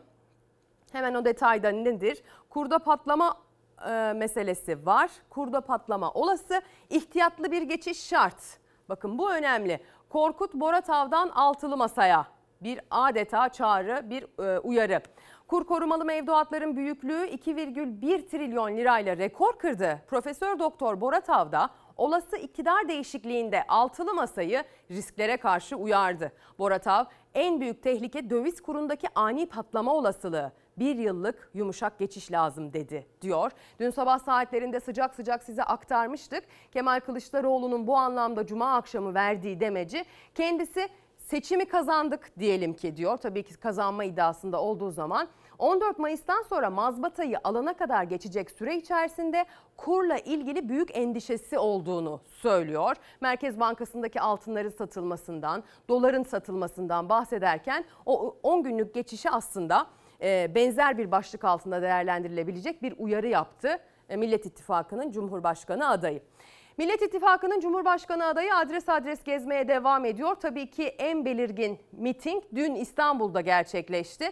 Ee, Şampiyonlar Ligi dediği kadroyla e, Cumhurbaşkanı adayı Kemal Kılıçdaroğlu oradaydı. Miting alanı hınca hınç doluydu. Ama tabii başka adreslerde de mesajları var onlara da bakacağız. Bakalım Cumhuriyet e, bu Maltepe mitingini nasıl değerlendirmiş? Değişim coşkusu manşetiyle çıkıyor gazete. Millet, Millet İttifakı 14 Mayıs öncesi İstanbul'da tarihi mitinge imza attı diyor. Dün İstanbul'da gövde gösterisi yaptı diyor Millet İttifakı için. Maltepe 2017'deki adalet yürüyüşü sonrası yapılan en büyük mitinge sahne oldu. İttifakın Cumhurbaşkanı adayı ve CHP Genel Başkanı Kemal Kılıçdaroğlu hak, hukuk, adalet sloganları arasında söz veriyorum bu ülkeyi cennet gibi yapacağım ifadesini kullandı diyor. Patates soğana lider satmak başlığının altı da değerlendirilmiş. Umut ışığına yürüyor kalabalık. Seçim sonucundan eminler fakat iktidar elemanlarının bel altı hazırlık ve vuruşlarından endişelerini de dile getirmiyor ve sormuyor değiller demiş Orhan Bursalı'nın yazısı izlenimi. Birleşe birleşe kazanacağız. Özlem Yüzak'ın e, izlenimi diyor ki Dedem ilk oyum sana, ferman padişahınsa sandık bizimdir. Pankartlar havada. Maltepe 2017 yılındaki adalet mitinginden bu yana en büyük kalabalığı yaşadı diyor. Kılıçdaroğlu'nun yanı sıra o mitingde Akşener, Karamollaoğlu, Uysal, Davutoğlu, Babacan, İmamoğlu ve Yavaş da kürsüde kendine yer buldu. O kürsüde verilen mesajları derledik, birazdan aktaracağız. Öncesinde gideceğimiz adresse Erzincan. Kemal Kılıçdaroğlu'nun Erzincan'da verdiği mesajlara bakacağız. Kendisi bozkurt işaretleriyle karşılandı. Aynen yanıt verdi. Sinan Ateş pankartlarıyla karşılandı. Sahnede buna dair sözlerini tekrarladı. Adalet ruhunda asalet. 3 milyon 600 bin Suriyeli nasıl geldi? Kim getirdi? Göndereceğim. 2 yıl içinde göndereceğim. Onlar geliyorlar asgari ücretin yarısına kadar çalışıyorlar. Bizim pırıl pırıl evlatlarımız işsiz güçsüz bekliyor. Göreceksin ırkçılık yapmadan onları kendi ülkelerine güven içinde göndereceğim. İş gücüne de dikkat çekerek en yüksek sesle tekrarladı Suriyeli sığınmacıları gönderme vaadini. Konuşmasını milliyetçilik üzerinden sürdürdü Millet İttifakı Cumhurbaşkanı adayı Kemal Kılıçdaroğlu. Erzincan'daydı. Ya siz kim? Milliyetçilik kim? Bizim milliyetçiliğimiz Atatürk milliyetçiliğidir. Şeker fabrikası özelleştirildi. 6 bin Erzincanlı çalışıyordu orada. Şimdi 250 kişi çalışıyor. Bu mudur milliyetçilik? Bunlarınki mevsimlik milliyetçilik. Son günlerde birçok şehirde Bozkurt selamı ile karşılanıyor Kılıçdaroğlu. Erzincan'da da ülkücüler şehrin girişinde Bozkurt selamıyla bir de Sinan Ateş pankartı açarak karşıladı. Bozkurt selamıyla seçim otobüsünden karşılık veren Kılıçdaroğlu Sinan Ateş suikasti ile ilgili mesajlarını da kürsüden verdi. Ankara'nın göbeğinde ülkücü hareketin en dürüst ve en düzgün bir akademisyenini katlettiler. Günlerce sesi çıkmadı ama Bay Kemal ne demiş? Adaletten yanayım diyor. Şimdi dosyasını seçimden sonraya bıraktılar. Sinan Ateş'in katillerini bulacağım, kulaklarından tutacağım ve yargıya teslim edeceğim. Meydanda kalabalığın açtığı pankartları da takip etti. Hayat pahalılığından tarıma konuşmasının büyük bölümünü ekonomiye dair vaatlerine ayırdı Kılıçdaroğlu. Ayın 15'inde oyunuzu kullanacaksınız. Sonra Kurban Bayramı gelecek. Bay Kemal'in sözü var. Bütün emeklilerin banka hesabında gidince 15 bin liraları göreceksiniz. Beşli çetelerden alacağım ve size vereceğim. Kılıçdaroğlu vaatlerini yalnızca il il yaptığı mitinglerle değil, sosyal medyasından yayınladığı videolarla da açıklıyor. Bu kez engelliler ve ailelerine seslendi. Engelli aylıkları ve bakım yardımları için enflasyonu dikkate alacak şekilde kanun çıkaracağız. Evde engellisi olan veya yaşlıya bakım hizmeti veren kadınların sosyal güvenlik primlerini devlet ödeyecek. Protez ve ortezlerin Sosyal Güvenlik Kurumu katkı paylarını ve malzeme desteklerini günün şartlarına göre güncelleyeceğiz. Kamuda 12 bin engellinin atamasını yapacağız. Şimdi e, iktidarın Cumhurbaşkanı adayı Cumhurbaşkanı Erdoğan'ın peşine takılacağız. Hürriyet gazetesi küçük esnafa prim müjdesi şeklinde verdiği son ve en önemli mesajı başlığa taşımış bugün Cumhurbaşkanı Erdoğan'ın. Cumhurbaşkanı Erdoğan küçük esnafın prim gün sayısını SGK'lılara eşitleyerek 7200'e indireceklerini, bundan 1 milyon esnafın faydalanacağını açıkladı. Aile ve Gençlik Bankası kuracağız. Buranın gelirinin belli bir miktarını bu bankada rezerv edeceğiz. Ev hanımlarımızı primlerinin üçte birini buradan ödemek suretiyle emekli ederek kendi gelirlerine kavuşturacağız. Gençlerimizin eğitiminden istihdama, kendi işini kurmadan evliliğe her adımlarında hibe ve kredi destekleriyle yanlarında olacağız dedi diyor. Şimdi e, Cumhur İttifakı'nın adayının peşine takılalım. Onun gittiği adreslerde neler söylediğine bakalım sevgili izleyenler. Önce Kayseri'ye gideceğiz ardından Mersin'e. Bay Bay Kemal ve ortakları inanın elleriyle kalp işareti yapmaktan bile aciz. Bizim sözümüz öyle adı yalancı çobana çıkmış Bay Bay Kemal'in sana sözüne benzemez. Ne diyor? Sana söz. Ya sen bugüne kadar verdiğin sözün hangisini tuttun? Cumhurbaşkanı Erdoğan Millet İttifakı Cumhurbaşkanı adayı Kılıçdaroğlu'na meydanlarda, alanlarda kullandığı sana söz sloganıyla yüklendi. Küçük esnafın prim gün sayısında yeni düzenleme yapılacağını açıkladı. Buradan kuaför, manav, bakkal, tesisatçı, pazarcı gibi küçük esnaflarımıza da bir müjde vermek istiyorum. Prim ödeme gün sayısını SKK'lılarla eşitleyerek 7200 güne indiriyoruz. 1 milyon küçük esnafımız faydalanacak. Cumhurbaşkanı Erdoğan Kayseri ve Mersin mitinginde konuştu. Yurt dışında çok ciddi sayıda Kayserili kardeşlerim var. Sandıklar kapanmadan mutlaka onlara ulaşmalıyız. Cumhurbaşkanlığında şahsımıza, milletvekilliğinde Cumhur İttifakı'na desteklerini talep edeceğiz. Yurt dışında oy kullanımı sürerken gurbetçilerden oy isterken parti içi küskünlere de seslendi. Kırgınlık, kızgınlık, küskünlük varsa gönlünü alacak, oyuna talip olduğumuzu söyleyeceğiz. 2002'den beri nasıl sandıktan önce işi bitirdiysek 14 Mayıs'ta da aynısını yapacağız. AK Parti ve Cumhur İttifakı kadar CHP'ye, İyi Parti'ye, Saadet Partisi'ne ve diğer partilere gönül vermiş vatandaşlarımız da kazanacak. Siyasetin özünde var olan tatlı rekabetin siyasi husumete dönüştürülmesine lütfen fırsat vermeyelim. Birdenbire bir günde şefkate büründü. Madem tatlı dille husumeti ortadan kaldıracağız. O zaman şu terör suçlamasını bir kaldırın hadi. Değiliz çünkü. Ankara Büyükşehir Belediye Başkanı Mansur Yavaş Cumhurbaşkanına sosyal medyadan verdiği mesajla çağrı yaparken aynı saatlerde Erdoğan Kayseri'de sert sözlerini sürdürdü. Sende doğruluk diye bir şey var mı? Hayatın yalan, hayatın. Şimdi gene yalan üstüne yalan. Zannediyor ki benim Kayserili kardeşim bunu yutacak. 14 Mayıs'ta bu sandıkları onlara mezar etmeye var mıyız? Ekonomi üzerinden verdiği mesajlarla bitirdi sözlerini.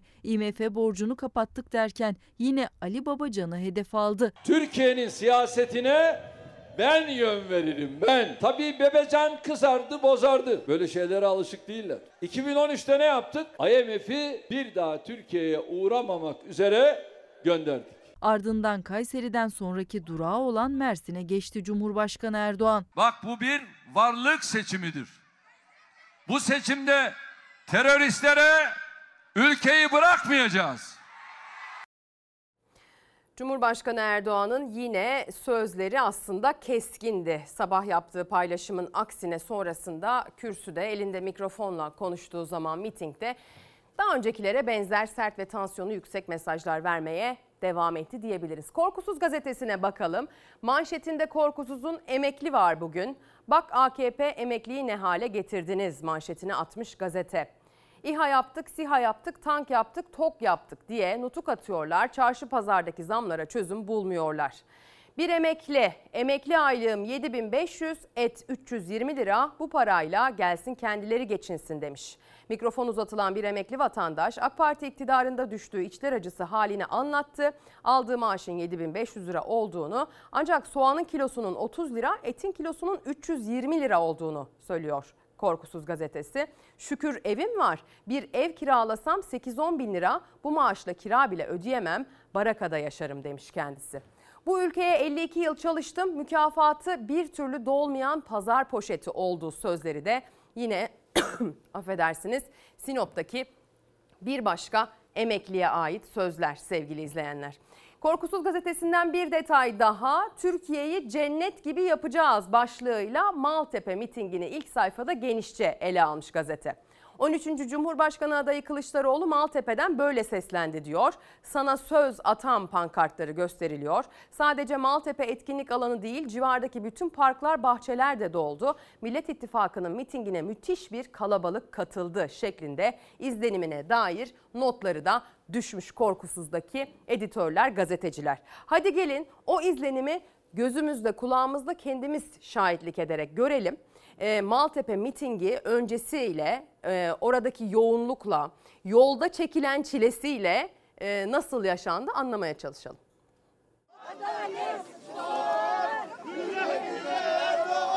Buraya astığınız soğanlar kaç para? Böyle bir eylemim olacak.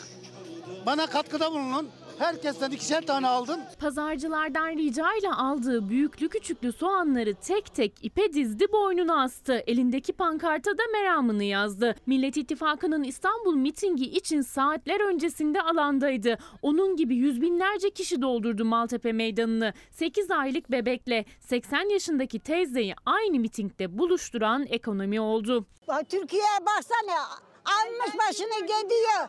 Türkiye elden gidiyor. Daha ne olacak? Kaç yaşındasınız? 75-80 var. Kuru soğana muhtaç ettiler bizi. Torunumu da aldım geldim. Kaç aylık? 8 aylık. Vallahi artık isyan ediyoruz. Artık yani çok zor durumdayız. Bir kira olmuş 15 milyar para. Çoluğa be, mama alamıyorum be, bebeğime, torunuma.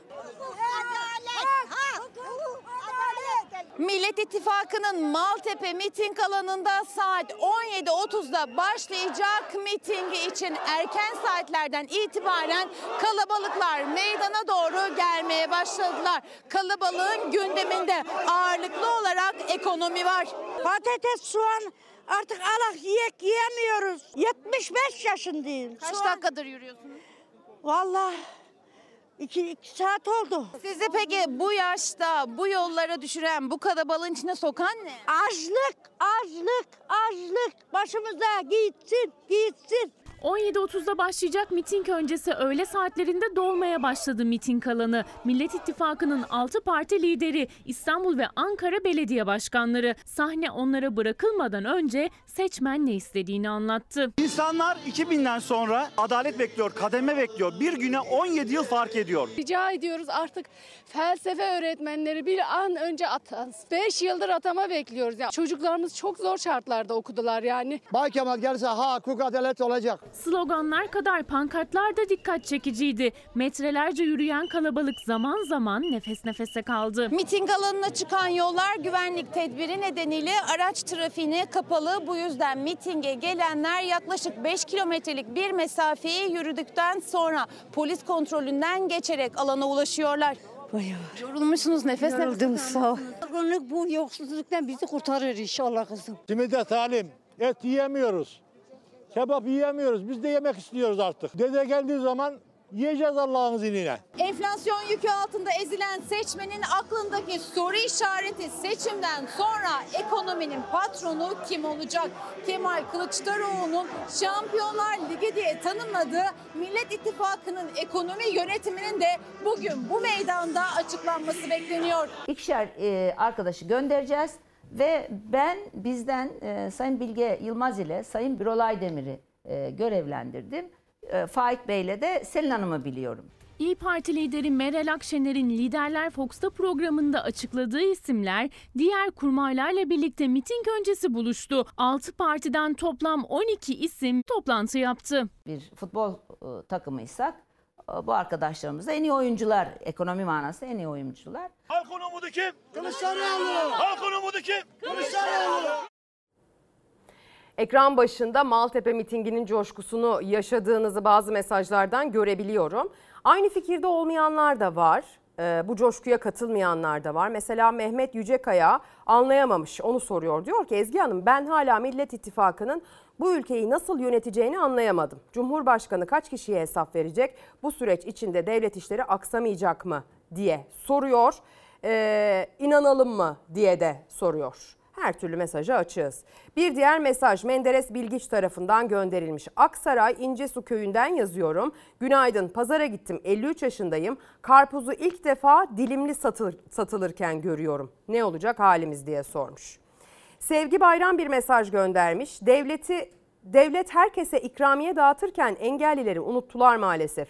Niye engellilere hiçbir destek yok? 7 bin 8 bin maaş alırken emekliler benim babam %60 engelli 2000 TL bile almıyor engelli maaşı olarak adalet mi diye soruyor gönderdiği mesajda. Bir de kamu mühendisleri ekran başındalar. Maaşlarının eskiden doktorlarla hakimle savcıyla eşit olduğunu ancak son dönemde kamu mühendislerinin maaş olarak onların çok gerisinde kaldığını söylüyor bir izleyicimiz. Görebilirsem ismini de söyleyeyim. Nilgün Hanım gönderdiği mesajda kamu mühendisleri de sıkça mesaj atan bir grup. Şimdi deprem konusuna geleceğiz sevgili izleyenler. Deprem konusuna Kemal Kılıçdaroğlu Millet İttifakı'nın Cumhurbaşkanı adayı sosyal medyasında yaptığı sıcak taze paylaşımla aslında geldi. Biz de onun ne söylediğinden bahsedeceğiz. Bir de e, bugün bir gazetede gördük. Hala bu konuyla ilgili yapılan çalışmaları önemsiyoruz. Depremzede aileler için Açev'le işbirliği başlığı. Kamu son haberde. Aile ve Sosyal Hizmetler Bakanlığı ile Anne Çocuk Eğitim Vakfı 6 Şubat'ta meydana gelen Kahramanmaraş merkezli depremlerden etkilenen illerde oluşturulan yaşam alanlarında çocukların ve ebeveynlerinin ihtiyaçlarının karşılanmasına ilişkin bir protokol imzalamışlar. Önemlidir, Açev kıymetlidir, katkısı da e, kıymetli olacaktır diye tahmin ediyorum. Şimdi Malatya'da bir adrese bakacağız. Orada hasar durumu ile ilgili bir e, kafa karışıklığı var. Kemal Kılıçdaroğlu'nunsa depremzedelere verdiği sözler tekrar ettiği, bakın sözüm söz bunu yapacağım demeye devam ettiği bir takım cümleleri var. Onlara bakalım. Sakın ola CHP gelirse temeli atılan konutlar yapılmaz diyenlere inanmayın. Yalan söylüyorlar. Açıkça yalan. Yahu yapmak zorundayız zaten. Anayasa emrediyor. Onlar anayasa falan tanımazlar ama biz devleti kuran partiyiz. Bizde anayasaya uyulur. Sosyal medya hesabından bu kez depremzedelere seslendi Millet İttifakı'nın Cumhurbaşkanı adayı Kemal Kılıçdaroğlu. Endişe etmeyin dedi. Ücretsiz konut sözünü yineledi. Ama siz hiç endişe etmeyin hiç. Anayasa gereği devlet evi yıkılan vatandaşını 20 yıl borca bağlayamaz. Bizim e, yani binamız Kahramanmaraş merkezli depremde ağır hasar aldı. Yani bunu biz söylemiyoruz. E, daha incelemeye gelen çevre şehircilik mühendisleri söyledi. Bostanbaşı'nın tamamı sulak bir zemin, kayısı bahçesi. Bunu en yetkili ağızlar dile getirmişlerdi. Zamanında yapılan imar yüksekliği hatasının bugün tekrar yapılarak buraların çocuklarımıza ve bize mezar olmasını istemiyoruz. Malatya'nın Yeşilyurt ilçesine bağlı Bostanbaşı mahallesinde bir site depremde hasar aldı. Site için önce ağır hasarlı raporu verildi ama iddiaya göre yapılan itiraz üzerine rapor hafif hasarlıya çevrildi. Site sakinleri ise tepkili ve endişeli. Her depremzede gibi sağlamlığından emin oldukları binalarda oturmak istiyorlar. Buradan kendi canımızı ve çocuklarımızın canını zorla kurtardık ve aylardır sokaklardayız. Biz az üstümüzde 3-5 parsel üzerimizde TOKİ'nin yaptığı ve çiziksiz evlerinde huzurla oturan insanların evlerinin aynısını istiyoruz. İşte Kılıçdaroğlu bu kez evi yıkılan ya da hasar gören o depremzedeler için kamera karşısına geçti. Daha önce meydanlarda verdiği ücretsiz konut sözünü sosyal medya hesabından da paylaştı. Bu devletin depremzedeye konut borcu var. Bu borcu biz ödeyeceğiz. Depremzedelerimizin evlerini, iş yerlerini yeniden inşa edeceğiz ve tek kuruş almadan anahtarlarını teslim edeceğiz. Millet İttifakı'nın Cumhurbaşkanı adayı Kılıçdaroğlu depremzedelere endişe etmeyin diye seslendi. Siz asıl bir yılda deprem bölgesindeki konutları yapacağız diyen saraya inanmayın. Onlar bunu daha önce de söylediler. Bir yılda konut sözü verdikleri Adıyaman Samsat'ta, Van'da yıllardır konut bekleyen, konteynerlarda yaşayan insanlarımız var. Evet maalesef konut konusunda bazı adreslerde hala depremzede olup yıllar önceden depremzede olmuş hala konteynerde yaşamak zorunda olanlar pek çok haberle bu ekranda da kendine yer buldu sevgili izleyenler. Ee, Kemal Kılıçdaroğlu geçtiğimiz günlerde yaptığı bir paylaşımla bu konut meselesine getirdiği çözümlerin arasında şu da vardı belki hatırlarsınız. İsterlerse bana ırkçı desinler ben vatandaşlık karşılığı konut satışını yasaklayacağım. En azından bir süreliğine bunu yapacağım şeklinde bir e, vaadi de olmuştu. Çünkü konut problemdi depremden sonra aslında daha büyük bir problem haline geldi. E, artık sadece fiyatı değil problem olan kalitesi ve sağlamlığı da aslında olması gerektiği gibi daha çok dikkatimizi çeken bir konu başlığı haline gelmiş durumda. Vatandaşlık konusunda Türkiye fırsatlar ülkesi manşeti atılmış bugün kamu son haberde. Göç etmek ve gayrimenkule yatırım yapmak için en iyi ülkelerin endeksi yayımlandı. Buna göre vatandaşlık ve emlak alımıyla ilgili en cazip ülkeler Dubai, İspanya, Montenegro, Portekiz ve Türkiye olarak sıralandı. Raporda Türkiye ikamet şartlarının listedeki diğer yerlerdeki kadar katı olmamasının yanı sıra nispeten düşük yatırım maliyetleriyle de dikkat çekiyor. Uygun fiyatlı yatırım miktarı ve minimum ikamet gereksinimleri açısından yüksek puan alan kıtalar arası ülke Türkiye, sürekli genişleyen bir yatırımcı yelpazesini çekmek için coğrafi olarak stratejik olarak konumlandırılmış hareketli bir finans merkezi olarak nitelendirildi. Evet bayağı hareketli. Yatırım yoluyla Türk vatandaşlığı kazanma imkanının olması için en az 250 bin dolar değerinde taşınmaz satın almak ve bunun 3 yıl satılmayacağına dair şerh koydurmak gerekiyor. 500 bin dolar değerinde sermaye yatırımı yapmak, ülke sınırları içerisinde 50 kişilik istihdam sağlayan bir yatırım yapmak, Türk bankalarına 3 yıl çekmeme şartıyla en az 500 bin dolar yatırmak, 500 bin dolar değerinde yatırım fonunu 3 yıl elden çıkarmamak gerekiyor. Bunlar şartlar ve Türkiye vatandaşlık almak, yatırım yaparak vatandaşlık almak adına cazip ülkeler arasında sıralanıyor. Peki yatırım yapmak konusunda bu ülke yeterince cazip mi kendi vatandaşı için? Türkiye'de yaşamak zor mu kolay mı? Zor olduğu için zaten taşındım, gittim. Nereye gittiniz? Kıbrıs'a taşındım. Peki Türkiye'de yaşamak kime kolay? Bilmem bu gelenlere sormak lazım değil mi? Türkiye kolay ülkeler arasına girdi. Fırsatlar ülkesi olarak tanımlandı. Yabancı bir vatandaşlık planlama firması yaptığı araştırmayla göç etmek ve gayrimenkule yatırım yapmak için en iyi ülkeleri belirledi. Türkiye 5. sıradan en kolay ülkeler arasına girdi. Benden e, 2500 liralık eve yani öyle girmiştim. E, bir anda 9-10 bin lira para istedi ev sahibim. Ev alma hayalimiz vardı ya. Ya o artık bir hayal bile değil. Hayal sınıfına bile girmiyor artık.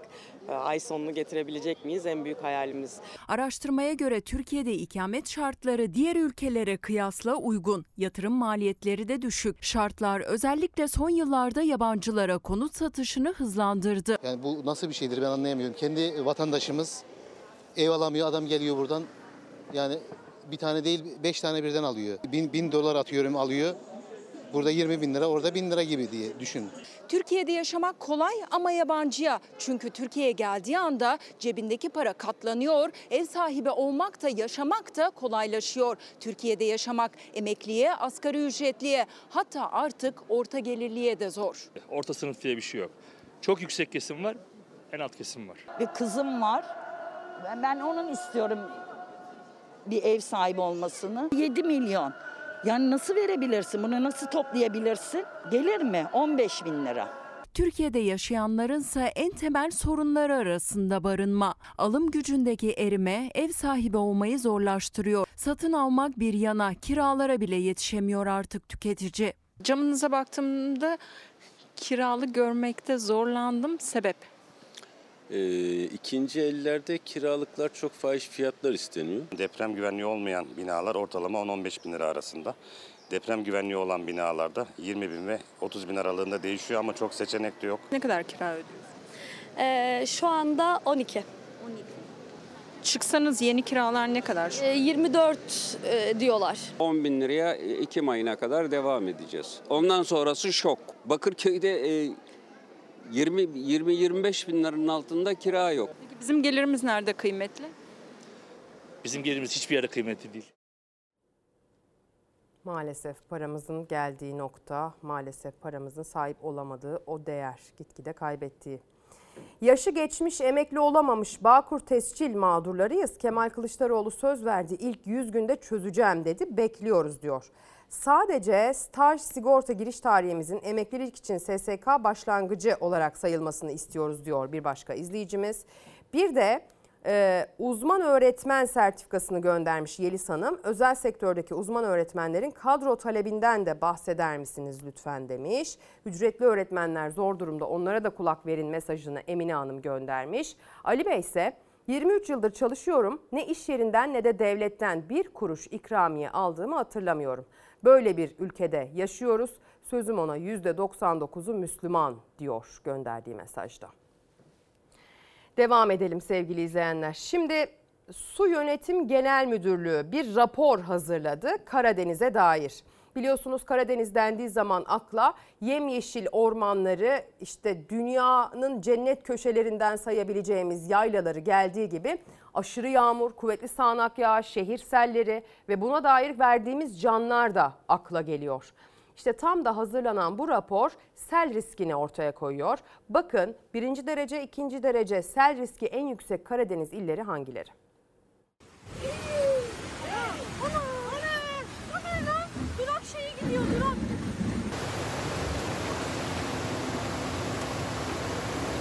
Doğu Karadeniz bölgesinde birinci derece en riskli nüfusa göre birinci derece en riskli yer Tirebolu ve Harşit Vadisi.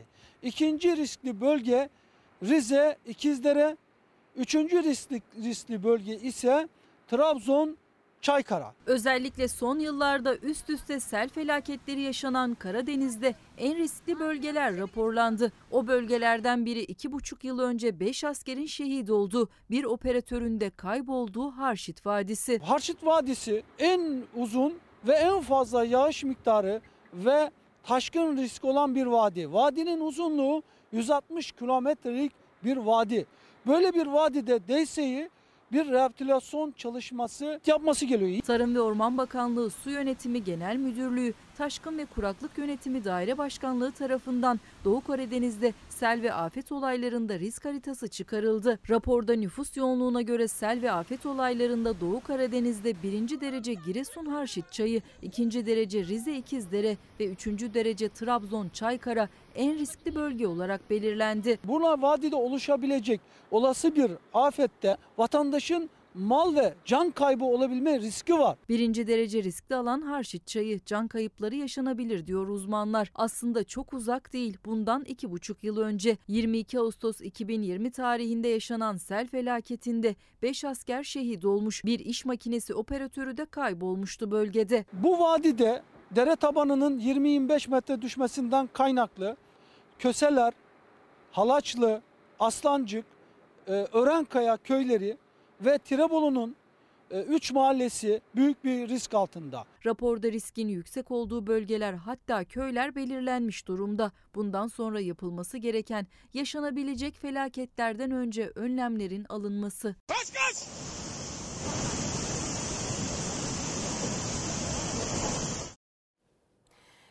İşte böyle sevgili izleyenler bizim ülkemiz bir felaketler ülkesi, afetler ülkesi aslına bakarsanız. Hani felakete dönüşmemesi bizim elimizde. Bizim ülkemizin insanı sel olur, aşırı yağış olur, deprem olur. Bunların hepsine Allah'tan geldi gözüyle bakar. Bu biraz kültürel durumumuzdur. Bu biraz inancımızla alakalıdır. Ama aynı zamanda şunu da bilmek gerekir. Eğer siz bilimin ışığında önlemler alırsanız zaten ortada olan, ne olacağı belli olan o durumu, o riskleri ortadan kaldıracak şekilde ön hazırlık çalışma yaparsanız o afet evet Allah tarafından verilmiştir belki ama sonrasında sizin ölümünüze sebep olmayabilir. Sizin can ve mal kaybı yaşamanıza e, sebep olmayabilir. Yani alınan önlemler buna engel olabilir sevgili izleyenler. Bu da mümkün. Bunun örnekleri var. Bunun uzmanları bizim ülkemizde var. Yetişmiş çok iyi uzmanlar var pek çok farklı konuda. Dolayısıyla bunlara kulak, kulak vermek lazım. Afet yönetimi, e, kriz yönetimi evet önemlidir ama öncesinde de risklerin azaltılabileceğini bilmek gerekiyor. Aynı Karadeniz haberinde izlediğimiz gibi aynı yaşadığımız son büyük depremde olduğu gibi. O depremin üzerinden tam 3 ay geçti. Bakın bugün bir pazar günü. Dile kolay. Bu 3 ay içerisinde deprem bölgesinde barınma, susuzluk, hijyen, güven pek çok başlık altında sorunlar dile getirildi. Artık 3 ay itibariyle bizim bu sorunlardan daha az bahsediyor olmamız gerekmiyor mu? Bir gün gazetesine bakacağız. İlk sayfadan bugün Hatay'a yer vermiş, hesap sorulacak demiş başlıkta. Depremin yok ettiği Hatay'da seçim havası yok. Yıkıntılar arasındaki halkın iktidara tepkisi büyük. Depremin üzerinden 3 ay geçmesine rağmen hayat normalleşmiş değil. Hatay kent merkezinde tek tük açılmış dükkanlar ve seyyar satıcılar dışında bir hareketlilik yok. Kaymakamlıklar önünde yardım için bekleyenler uzun kuyruklar oluşturuyor. Biz canlarımızın peşindeyken devletten kimseyi görmedik diyen Hataylıların gündemi seçim olmasa da kentte dengelerin değişmesine kesin gözüyle bakılıyor. Çadır kentlerden birinde yaşayan Semra Çiçek şöyle anlatıyor. Durumumuz, yaşadıklarımız malum. Seçimi konuşamıyoruz. Bizi düşünen biri olsun istiyoruz diyor. Evet depremzedeler unutulmaktan, seçim gündemi arasında göz ardı edilmekten korkuyorlar. Bakın ben şu köşede eski evlerimizde burada doğdum. Burada büyüdüm. Burada yaşlanmayı istiyorum. Burada ölmek istiyorum. İşte ne götürebilirsem kurtarmaya çalışıyorum. Geldi bana müdahale ediyor. Bağırdı çağırdı. Dedim üç gün siz gelmediniz buraya. Burada insanlar şurada inim inim inlerken, bağırırken yoktunuz dedim. Şimdi üç ay sonra benim canımı burada kurtarmaya mı çalışıyorsunuz? İstemiyorum dedim. Kalpleri hala kırık, yaşamları hala zor depremzedenin. Kahramanmaraş merkezli peş peşe gelen iki büyük depremin üzerinden tam 3 ay geçti. Acı ilk günkü gibi taze. 90 gün sonra barınma sorunu da sıkıntılar da tam olarak çözülebilmiş değil. Sokaklarsa ıssız. Duvarları patlak, hasarlı binalar arasında hala geçmişin güzel günlerini hatırlamaya çalışanlar var. Tüm tehlikesine rağmen. Harabelerin arasında dolaşıyoruz. En azından hatıralarımızı, çocukluk anılarımızı yaşamak için son bir keresine olsa da gelip görmeye geldim.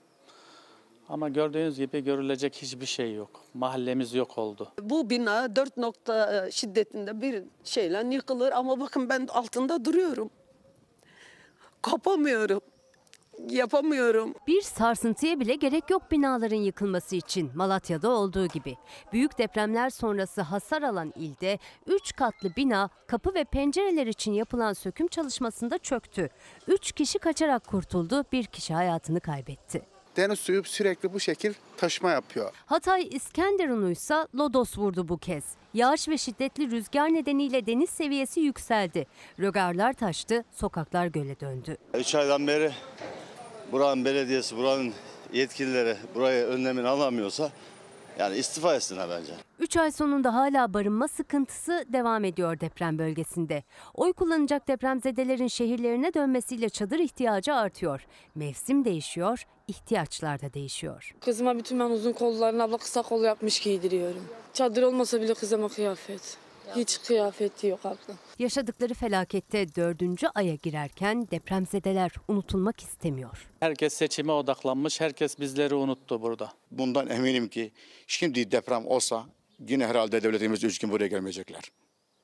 Ben bundan üzülüyorum. Başınızı çevirmeyin, gözünüzü kaçırmayın. Biliyorum çaresizlik biraz unutmaya itiyor bizi. Çünkü kendimiz de kendi yaşadığımız evlerle ilgili çaresizlik duygusu içerisindeyiz. Ama öyle olmasın. Yüzleşmemiz lazım korkumuzla ve oradaki insanları unutmamamız lazım. Konuyu defaatle depreme depremzedeye getirmemiz, getirebilmemiz lazım. Şimdi reklama gideceğiz. Sonrasında aynı tempoyla ve dop dolu devam. Tekrar tekrar günaydın. Eğer ekran başına yeni geçtiyseniz, aramıza yeni katıldıysanız reklama giderken demiştim ki aynı tempoyla dop dolu devam edeceğiz. Gerçekten de akışımız dop dolu verecek çok önemli ve sadece burada görebileceğiniz pek çok haberi yine izleme şansına sahip olacaksınız önümüzdeki yaklaşık 35 dakika boyunca. Şimdi isterseniz vakit kaybetmeden başlayalım çünkü gerçekten anlatacak haberimiz çok. Orta sayfa cuma akşamları Fox ekranlarında yeni bir alışkanlık ve Türkiye'nin gerçekten en çok izlenen tartışma programı. Deneyimli gazeteci Çiğdem Toker orta sayfada kamu ihaleleriyle ilgili bir izlenimini, bir haberini paylaştı. Seçim öncesinde buna dair savurganlığa dikkat çekti. Aynı konu başlığı Millet İttifakı'nın Cumhurbaşkanı adayı Kılıçdaroğlu'nun da gündemindeydi.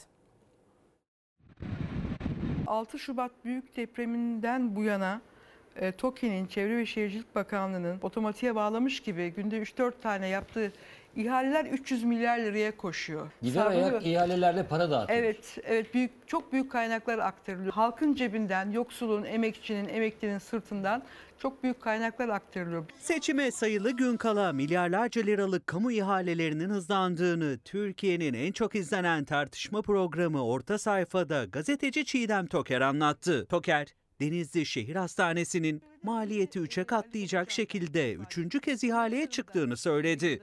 Mesela Denizli Şehir Hastanesi üçüncü kez ihale edildi.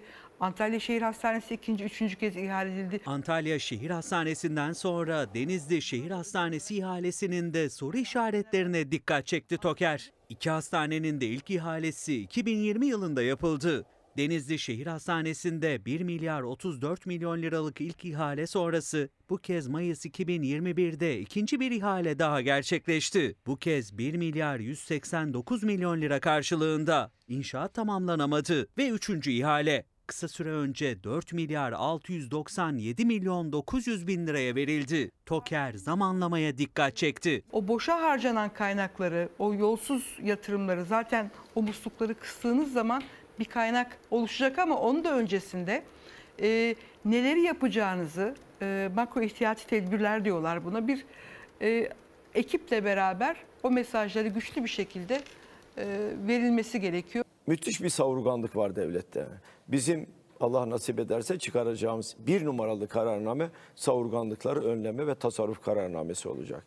Biz çok büyük bir parayı tasarruf edebileceğimize inanıyoruz. Sadece kamu ihaleleri değil, seçim öncesi kamuya alımlarda dikkatleri çekiyor. Karayollarına KPSS'siz 3000 işçi alınmasına karar verildi. Diyanet İşleri Başkanlığı'na ve Orman Genel Müdürlüğü'nde de benzer şekilde işçi alımı açıklanmıştı. Seçime günler kala atılan adımlar iktidar kesenin ağzını açtı yorumlarına neden oldu. Savurganlığı önleme genelgesi çıkaracağız. Bu birincisi.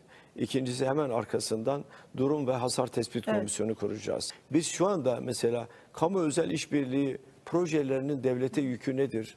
Evet. Bilmiyoruz. Bütün bunların tamamını bize en geç 15 gün içinde çıkarıp 6 liderin önüne koyacak. 7, 8, 10 ay içinde Türkiye bir nefes alabilir. Böyle bir durum söz konusu seçimin öncesinde. Şimdi devam edelim. Muğla, Deştin ve Bayır mahalleleri diyeceğim. Bu ekranlarda o mahallelerin haberini ilk defa izlemeyeceksiniz. Kurulması planlanan bir çimento fabrikasına itiraz etti köylüler ve ciddi bir jandarma müdahalesiyle karşı karşıya kaldılar o dönemde. Hep haberlerini ekrana taşıdık. Bir dava sürecinin devam ettiğini o eylemler, o nöbetler sırasında da dile getirmişlerdi. Bilirkişi raporuna itirazları vardı yargı yolunda. Oradan bir sonuç çıktı. Bilirkişi raporuna e, itiraz mahkeme sonucuna göre yerinde. Çünkü deniyor ki evet bu fabrika kurulursa tarım alanlarına zarar verecek. Alamazsınız. Kadına bakın, kadına, kadına vurdular, kadına vurdular. 16 yaşındaki çocuğum çadır bilmekte süründü. Jandarma kafasını bastı, ayağını bastı, süründü. Bir insanın kafasını basmak nedir? Ben onun kafasını 9 ay karnımı taşıdım. Niye basılıyor?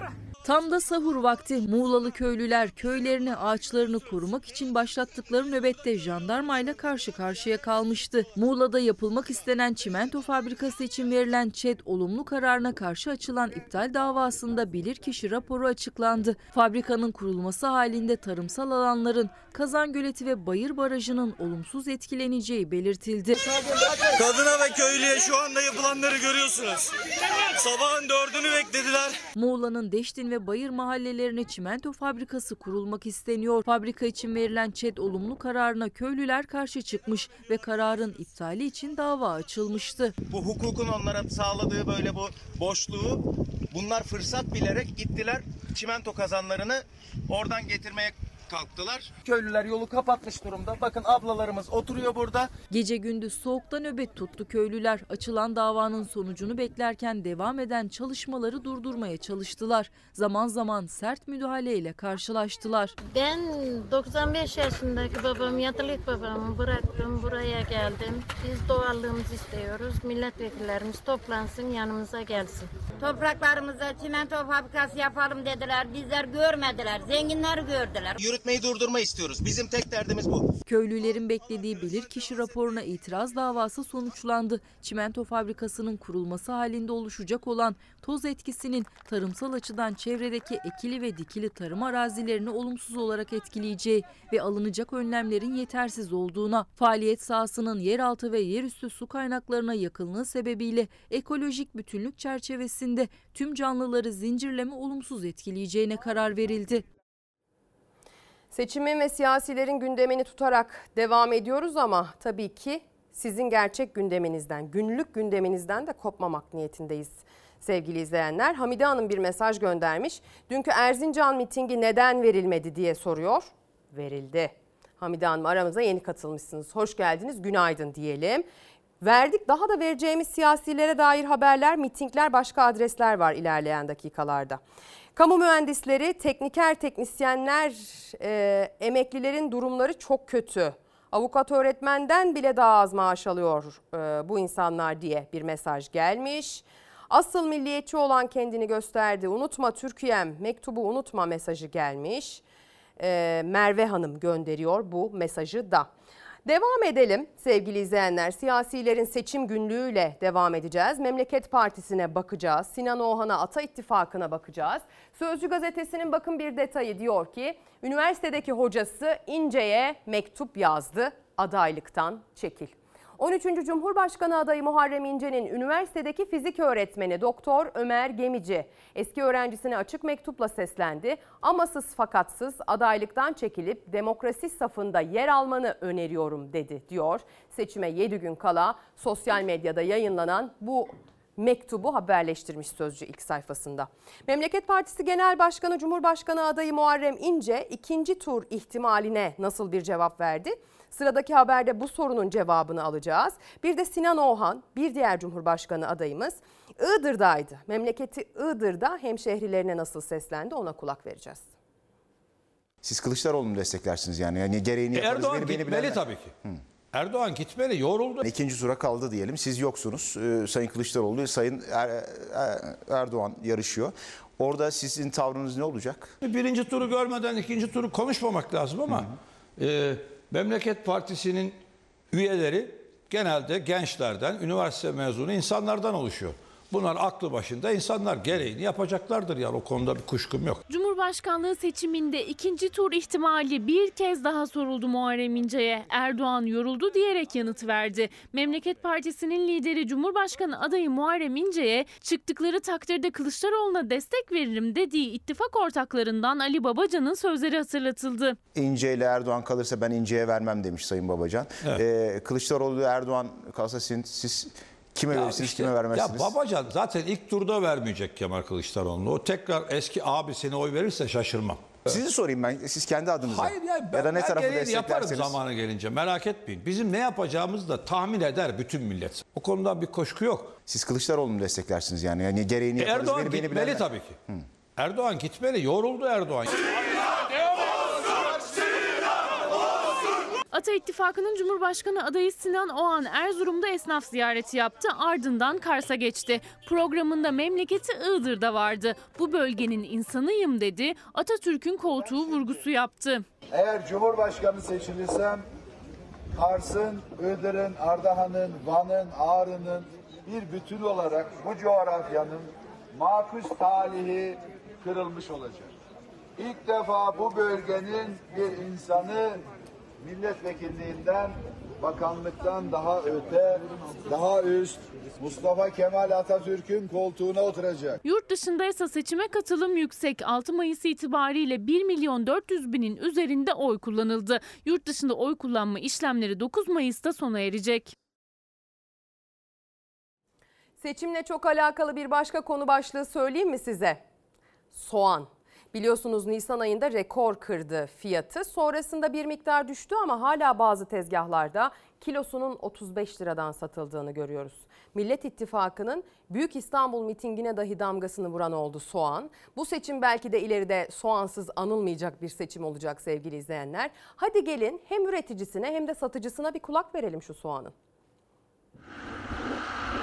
Bizi en çok artık zorlayan hatta ve hatta bitirme noktasına getiren tamamen maliyetler. İnsanlar bırakıyor yani artık burada sayılı kişiler soğan ekiyor. Nisan ayında pazarda fiyatı 30-35 lirayı bile bulmuştu. Soğanda hasat başlayınca fiyatlar biraz düştü. Ama bu düşüş vatandaşı sevindirse de çiftçi açısından değişen bir şey yok. Soğan üreticisi yine zararda. Biz eskiden ilacımızı, gübremizi, tohumumuzu, mazotumuzu hepsini ta harmana kadar alırdık.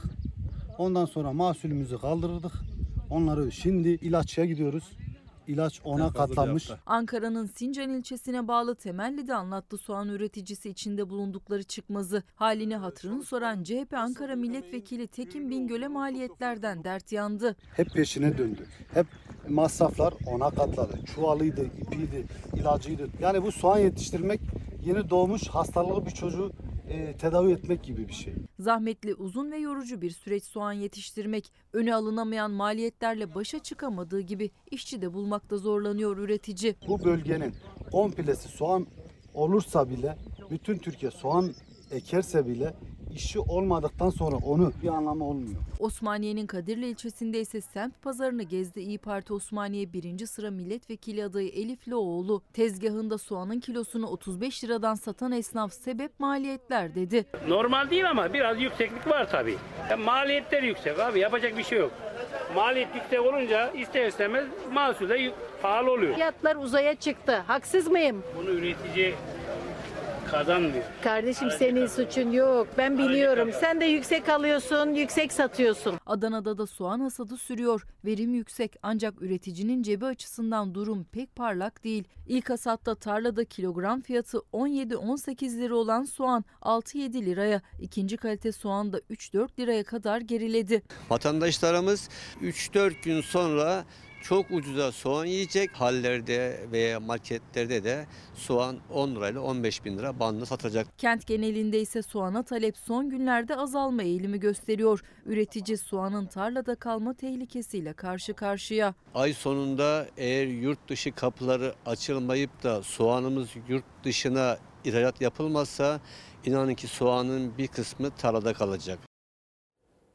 Ya işte soğanda üreten, satan bunları dile getiriyor. Şimdi sizleri İstanbul mitingine götüreceğim Millet İttifakı'nın. Dün itibariyle o mitinge gidenlerin seslerine kulak verdik. Bir de o mitingde konuşanların kulakları, seslerine kulak verelim.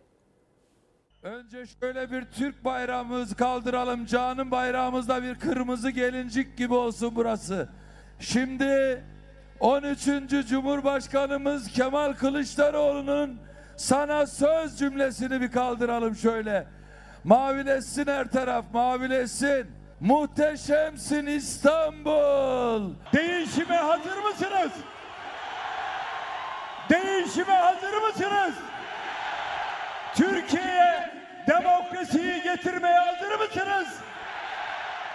Millet İttifakı tüm üyeleri ve Cumhurbaşkanı yardımcısı adaylarıyla İstanbul Maltepe'deydi. Saatler öncesinden Büyük İstanbul mitingi için meydanı dolduran kalabalığın coşkusu sahneye her çıkan liderle daha da arttı. Tarihin en büyük ekonomik krizini unutturmak için o kötü dillerini ne yazık ki fütursuzca milletimizi bölmek için kullanıyorlar.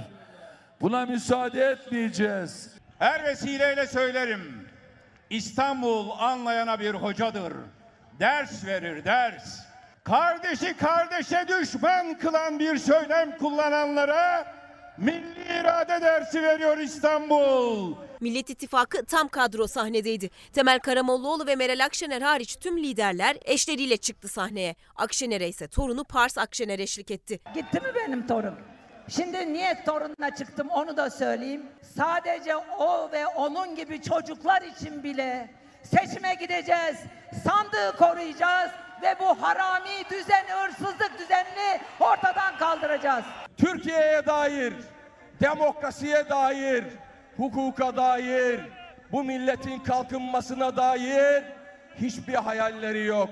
Geldikleri noktada söz bitmiş, yalanları da bitmiş. Bu 200 liralık banknotun bir hikayesini anlatmak istiyorum. Yıl 2009. Kaç dolar ediyor biliyor musunuz? 134 dolar ediyordu. 134 dolar. Bugün ne kadar ediyor? 10 dolar bile etmiyor. Herkesin cebindeki 200 liradan 124 doları kim çaldı? Davutoğlu tarım reformundan Ali Babacan ekonominin yol haritasından bahsetti kürsüde. Mücadele kimle kim arasında biliyor musunuz? Toprağa bereket diye bakan, aslını toprakta görenlerle toprakta rant görenler arasında. İlk bir ayda kurumları ayağa kaldıracağız. 6 ayda bu mevcut kriz iklimini sona erdireceğiz. En geç 2 yılda da enflasyonu tek haneye indireceğiz. İBB Başkanı İmamoğlu İstanbul seçimlerini hatırlattı önce. Ardından Cumhur İttifakı'nı hedef aldı. Miting alanlarında eşlerimizin görüntülerini yayınlayarak oy kapmaya çalışacak kadar kötüler dedi. Bundan 4 yıl önce 6 Mayıs 2019 günü bir yargı darbesiyle karşı karşıya kalmıştık. O gün utanmadan sandıktan biz çıkmazsak o seçim geçerli sayılmaz dediler. Sonra millet onlara öyle bir demokrasi tokadı attı ki tam bir Osmanlı tokatı yerle bir etti. 21 yıllık iktidar yaptıklarını anlatıp yeni vaatler sö- sö- ileri sürmesi gerekirken tankları, tüfekleri gösteriyor, gemileri gösteriyor. Seçim mi yapıyoruz, savaşa mı hazırlanıyoruz belli değil. Başka şey konuşulmasın istiyorlar. Sorunlar görülmesin istiyorlar. Sizin sıkıntılarınızı biliyoruz. Onlara derman olacak projeleri, ilkeleri de son bir buçuk yıldır hazırladık ve inşallah 15 Mayıs'tan sonra da bunları tatbikata başlayacağız. Cumhurbaşkanı adayı Kılıçdaroğlu ise en son çıktı sahneye. Yanında eşi Selvi Kılıçdaroğlu'yla adalet yürüyüşü sonrası yaptığı konuşmayı da hatırlattı. 85 milyonun Cumhurbaşkanı olacağım dedi. Ben bu ülkeye arkadaşlarımla birlikte baharı getireceğim, huzuru getireceğim. Kim olursa olsun bu topraklarda yaşıyorsa herkesin sorunuyla ilgileneceğiz. Asla ayrımcılık yapmayacağız. Ondandır bundandır diye bir şey söylemeyeceğiz ve 85 milyonu kucaklayacağız. Konuşmasında ilk kez oy verecek gençlere, staj mağdurlarına, KHK'lılara kadar pek çok kesime seçim vaatlerini yineledi Kılıçdaroğlu. Kaçırıldığını iddia ettiği 418 milyar doları geri getireceğini de bir kez daha söyledi. Beşli çetelerin yurt dışına kaçırdıkları paraları biliyorum. Nerelere götürdüklerini biliyorum. Tamamını ama tamamını son sentine kadar getireceğim. Miting tüm lider ve başkanların sahnede verdiği fotoğrafla bitti. Dürüstlüğüne, harama el uzatmamasına hepimizin kefil olduğu 13. Cumhurbaşkanımız Sayın Kemal Kılıçdaroğlu'nu seçeceksiniz.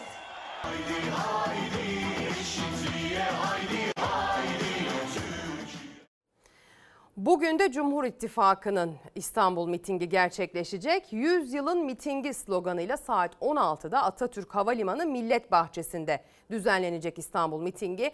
Cumhur İttifakı'nın Cumhurbaşkanı adayı Sayın Erdoğan ve beraberinde Cumhur İttifakı'nın diğer bileşenleri orada olacaklar. Şimdi ise sizi çok stratejik bir konu başlığına götüreceğim. Tohumdan bahsedeceğim. Üstelik atalık tohum. Atalık tohum deyince benim aklıma ilk gelen adreslerden bir tanesi Seferihisar. Orada yine bir takas şenliği vardı. Var mı İlayşe Hanım? Soğan var. Sadece e, yani Seferihisar adına değil, e, Türkiye adına çok büyük bir iş yaptığımızı düşünüyorum burada. Çünkü Seferihisar'da her yıl bahar aylarında takas edilen o tohumlar atalık tohumlar. Kadim Anadolu'nun verim topraklarında doğan genetiğiyle oynanmamış gerçek tohumlar. Bu yüzden de Türkiye'nin tarım geleceği için de paha biçilemez öneme sahipler. Yerel tohumun satışını yasakladılar. Yerel tohumu satamazsınız dediler, dikemezsiniz dediler. Biz buna e, karşı ne yapabiliriz diye düşündük ve 12-13 yıldır yerli tohumumuzu tohum takas şenlikleri sayesinde e, milletimizle buluşturuyoruz. İzmir'in Seferihisar ilçesinde 2011 yılından bu yana başka bir tarım projesi adı altında Can Yücel Tohum Merkezi'nde yerel tohumlar üretiliyor, fideler yetiştiriliyor. Bu yıl 12. kez yerel tohum takas şenliği düzenlendi Seferihisar'da. Atalık tohumlar, fideler Türkiye'nin dört bir yanına bereket dağıttı. Hem e, çiftçimize burada destek veriyoruz hem de insanlara e, katkıda bulunmuş oluyoruz. Ve insanların e, bunları kendilerinin dikip sağlıklı gıdaya ulaşmalarını da sağlıyoruz. Bunlar tamamen atalık tohumlar ve e, genetiğiyle oynanmamış birebir e, yani geçmişten günümüze kalan gerçek tohumlarımızdan. Şenlikte üreticiyle vatandaşla buluşan yerel tohumlar ve fidelerle hem sağlıklı gıda hem de toprakları çoraklaştırmadan sürdürülebilir bir tarım hedefleniyor. Bugüne kadar yaptığımız hesaplamalara göre 1 milyon 800 bin fide dağıtmışık, 100 milyona yakın da fide göndermişiz Türkiye'nin dört bir tarafına. Çok önemli bir konu başlığıdır. Şimdi ise bir cenaze törenine gideceğiz. Belediye otobüsü kaza yaptı. O kazada 5 kişi hayatını kaybetti. Cenaze töreninde tepki belediye başkanına yöneldi.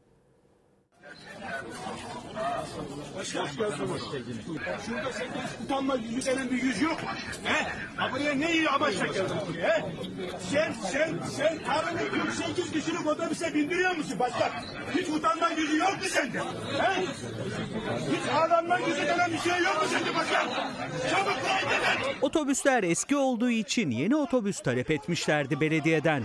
Talep geri çevrildi iddiaya göre. Korkulan oldu. Bakımsız otobüslerden biri kaza yaptı. 5 kişi canından oldu. Yakınları cenazeye katılan Trabzon Büyükşehir Belediye Başkanı'na çok sert tepki gösterdi. Defol şuradan sonra olur. Ne kardeşim? Şu bana. Başkan. Şuradan defol. Sana utanmadın cenazeye geliyorsun. Cenaze arabası aldı. Otobüsle aldı. Kaza Trabzon'un Akçaabat ilçesinde meydana geldi. Trabzon Büyükşehir Belediyesi'ne ait yolcu otobüsü devrildi. 37 kişi yaralandı, 5 kişi yaşamını yitirdi. İddiaya göre otobüs bakımsız ve çok eskiydi. Hatta bölge halkı 600 dilekçe toplayarak belediyeden yeni araç istedi. Ancak belediye yeni araç göndermedi. Cenazede Trabzon Büyükşehir Belediye Başkanı'nı gören acılı aileler çok sert tepki gösterdi.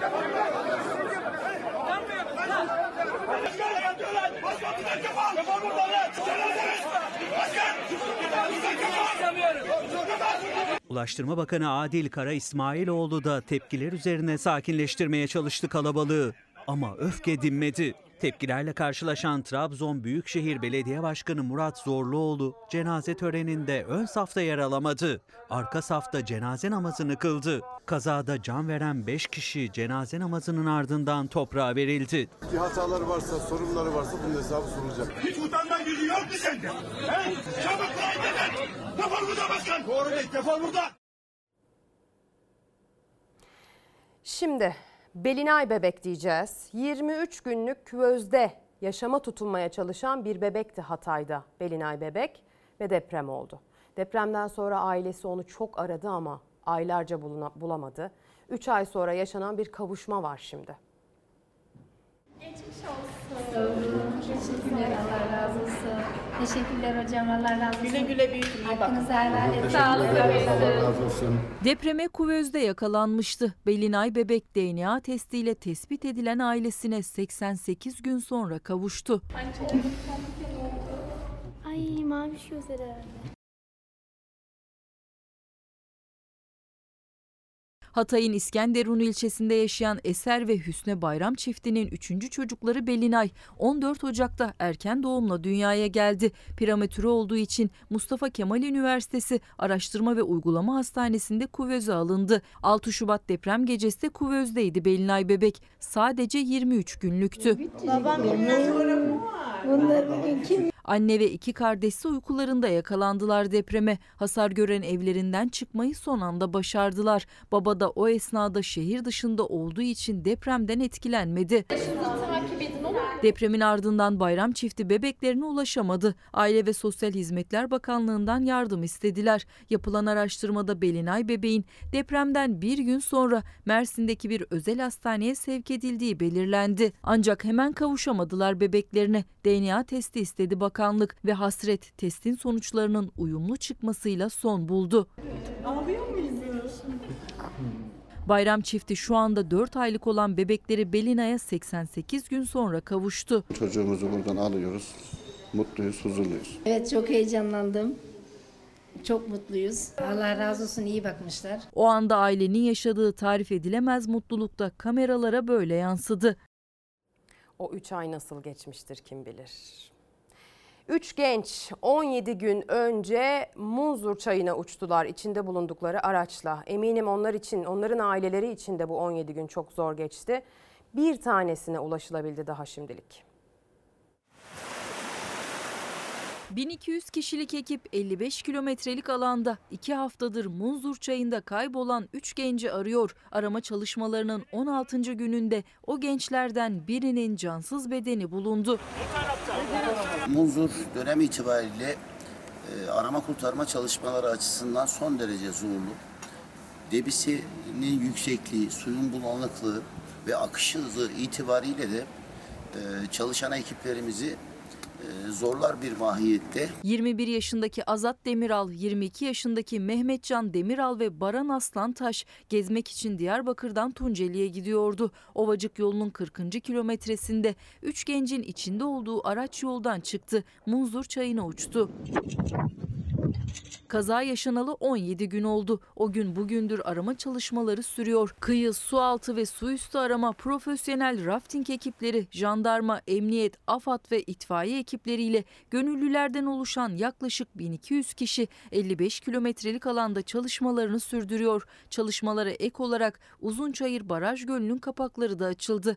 10 milyon metreküp su boşaltıldı. O günkü debi 193 metreküp saniyeyken bugün e, 80'li e, metreküp saniyelere düştü. Çalışmaların 16. gününde otomobilin yola düştüğü noktadan 35 kilometre ötede Miskişah mevkiinde debisi düşen suda bir gencin cansız bedeni görüldü. Bölgeye çok sayıda ekip sevk edildi. Sudan çıkarılan gencin Baran Aslantaş'a ait olduğu belirlendi. Aslantaş'ın cenazesi otopsi için morga götürüldü. Öte yandan kaybolan Mehmetcan Demiral ve Azat Demiral'ı arama çalışmaları sürüyor.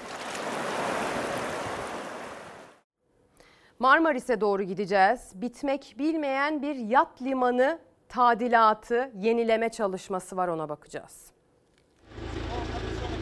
Çok plansız, çok tecrübesiz. Her esnafı bu müthiş derecede etkiledi. Gerçekten şaka gibi yani Marmaris turizmle geçinen bir bölge.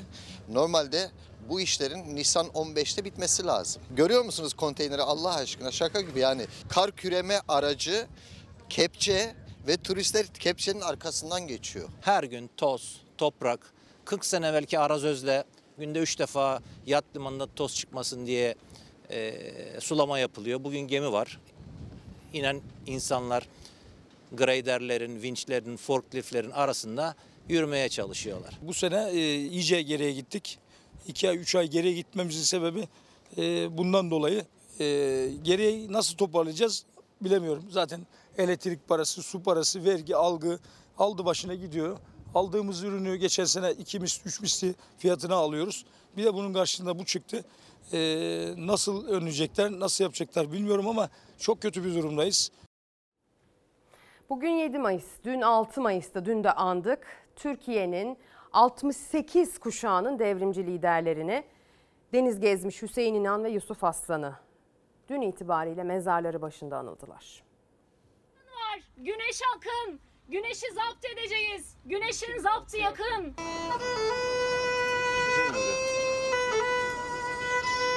Tamam bize dolma başlıyor.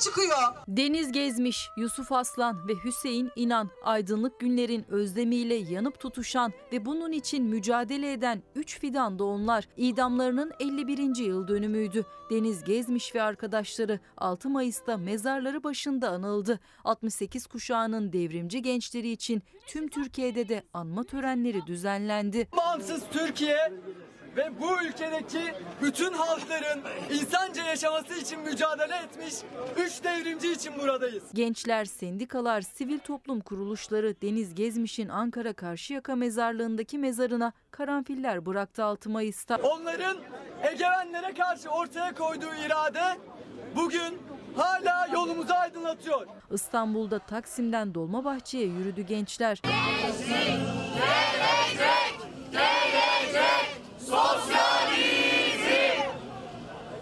İzmir Güzelbahçe'de ise 3 Fidan Anıt Parkı'nın açılışı yapıldı. Atatürk Kültür Merkezi'nde Suavi, Deniz Gezmiş ve arkadaşları anısına unutulmaz bir konser verdi. Kurşun gelmiş kaşlarımın üstüne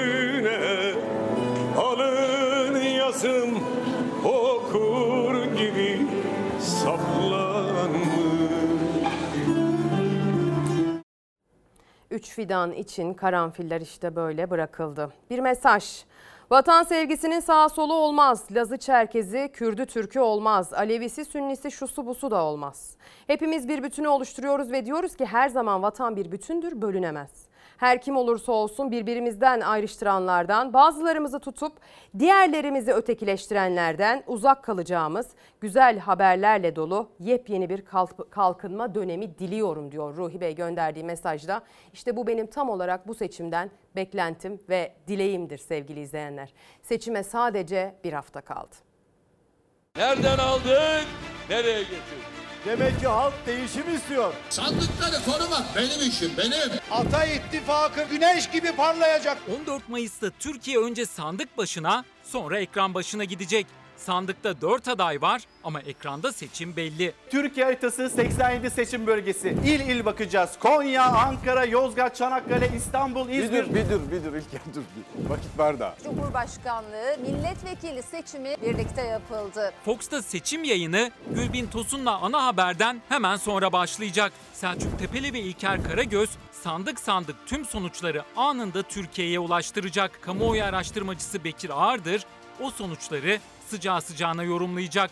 Oo Bekir Ağırdır da buradaymış. Patronların mesajını sana tercümeye geldim. Ayrıca Bekir abi biz buradaydık. Selçuk Tepeli geldi. Fox Haber Genel Yayın Yönetmeni Doğan Şentürk, Fox Haber Ankara temsilcisi Tülay Ünal Öç'ten son dakika bilgileri yine onlarda olacak. Her seçim Fox'ta izlendi. Ya bu sloganları nereden buluyorsunuz? Bu saçları kaç seçimde arttık biliyor musun? Gazeteciler Murat Yetkin, Çiğdem Toker, Nevşin Mengü, Deniz Zeyrek, Türkiye'nin bu uzun gecesinde en sağlıklı analizlerle Fox ekranlarında olacaklar. En doğru, en güvenilir ve en hızlı sonuçlar yine burada. Seçim gecesi klasiğiniz Fox Haber'de. Bir ekrandan daha fazlasında. Türkiye'nin seçimi 14 Mayıs'ta Fox'ta. Dop dolu bir içerikle, yoğun bir hazırlıkla saat 8.30'dan bu yana Türkiye'den ve dünyadan gündemi size aktardık. Seçime bir hafta kalmışken ne olup bittiğini hep beraber anladık. Elimde de dop dolu içerikler var. Yazı, e, kitaplar adımıza imzalı, yazılı gelmiş, içinde notlar var. Hemen aktaralım. Boşanma kılavuzu, boşanma koçum yanımda avukat Elif Yazıcı tarafından kaleme alınmış. Korku, e, kokuyla fırtınası Elif Solak tarafından kaleme alınmış sevgili izleyenler ve bize gönderilmiş. Kendisine teşekkür ediyoruz. Bir diğer kitabımız Sensizliğimin Şarkısı Ramiz Çınar tarafından kaleme alınmış bir kitap. Kendisine çok çok teşekkürler. Kitaplarımızı okuyacağız. Özellikle çocuklarımızı asla kitapsız bırakmayacağız. İrem Horoz e, Aydın da bir e, kitap göndermiş. Her gün özeldir diyor ve katılmamak imkansız bu başlığa aslına bakarsanız. İçinde galiba bana da bir not bulunuyor. Kitaplar önemlidir, kitaplar çözümdür, kitaplar çaredir, vizyondur, gelecektir. Ne okuduğunuzun çoğu zaman önemlidir ama bazen hiçbir önemi yoktur. Çünkü okumak çaredir efendim. O yüzden kitaptan okumaktan ayrı kalmadığınız bir hafta diliyorum. Bu hafta siyasetin seçimin ruh sağlığınıza olabildiğince az zarar vermesini talep ediyorum sizler için. Böyle bir dileğim var. Hoşçakalın görüşünceye dek.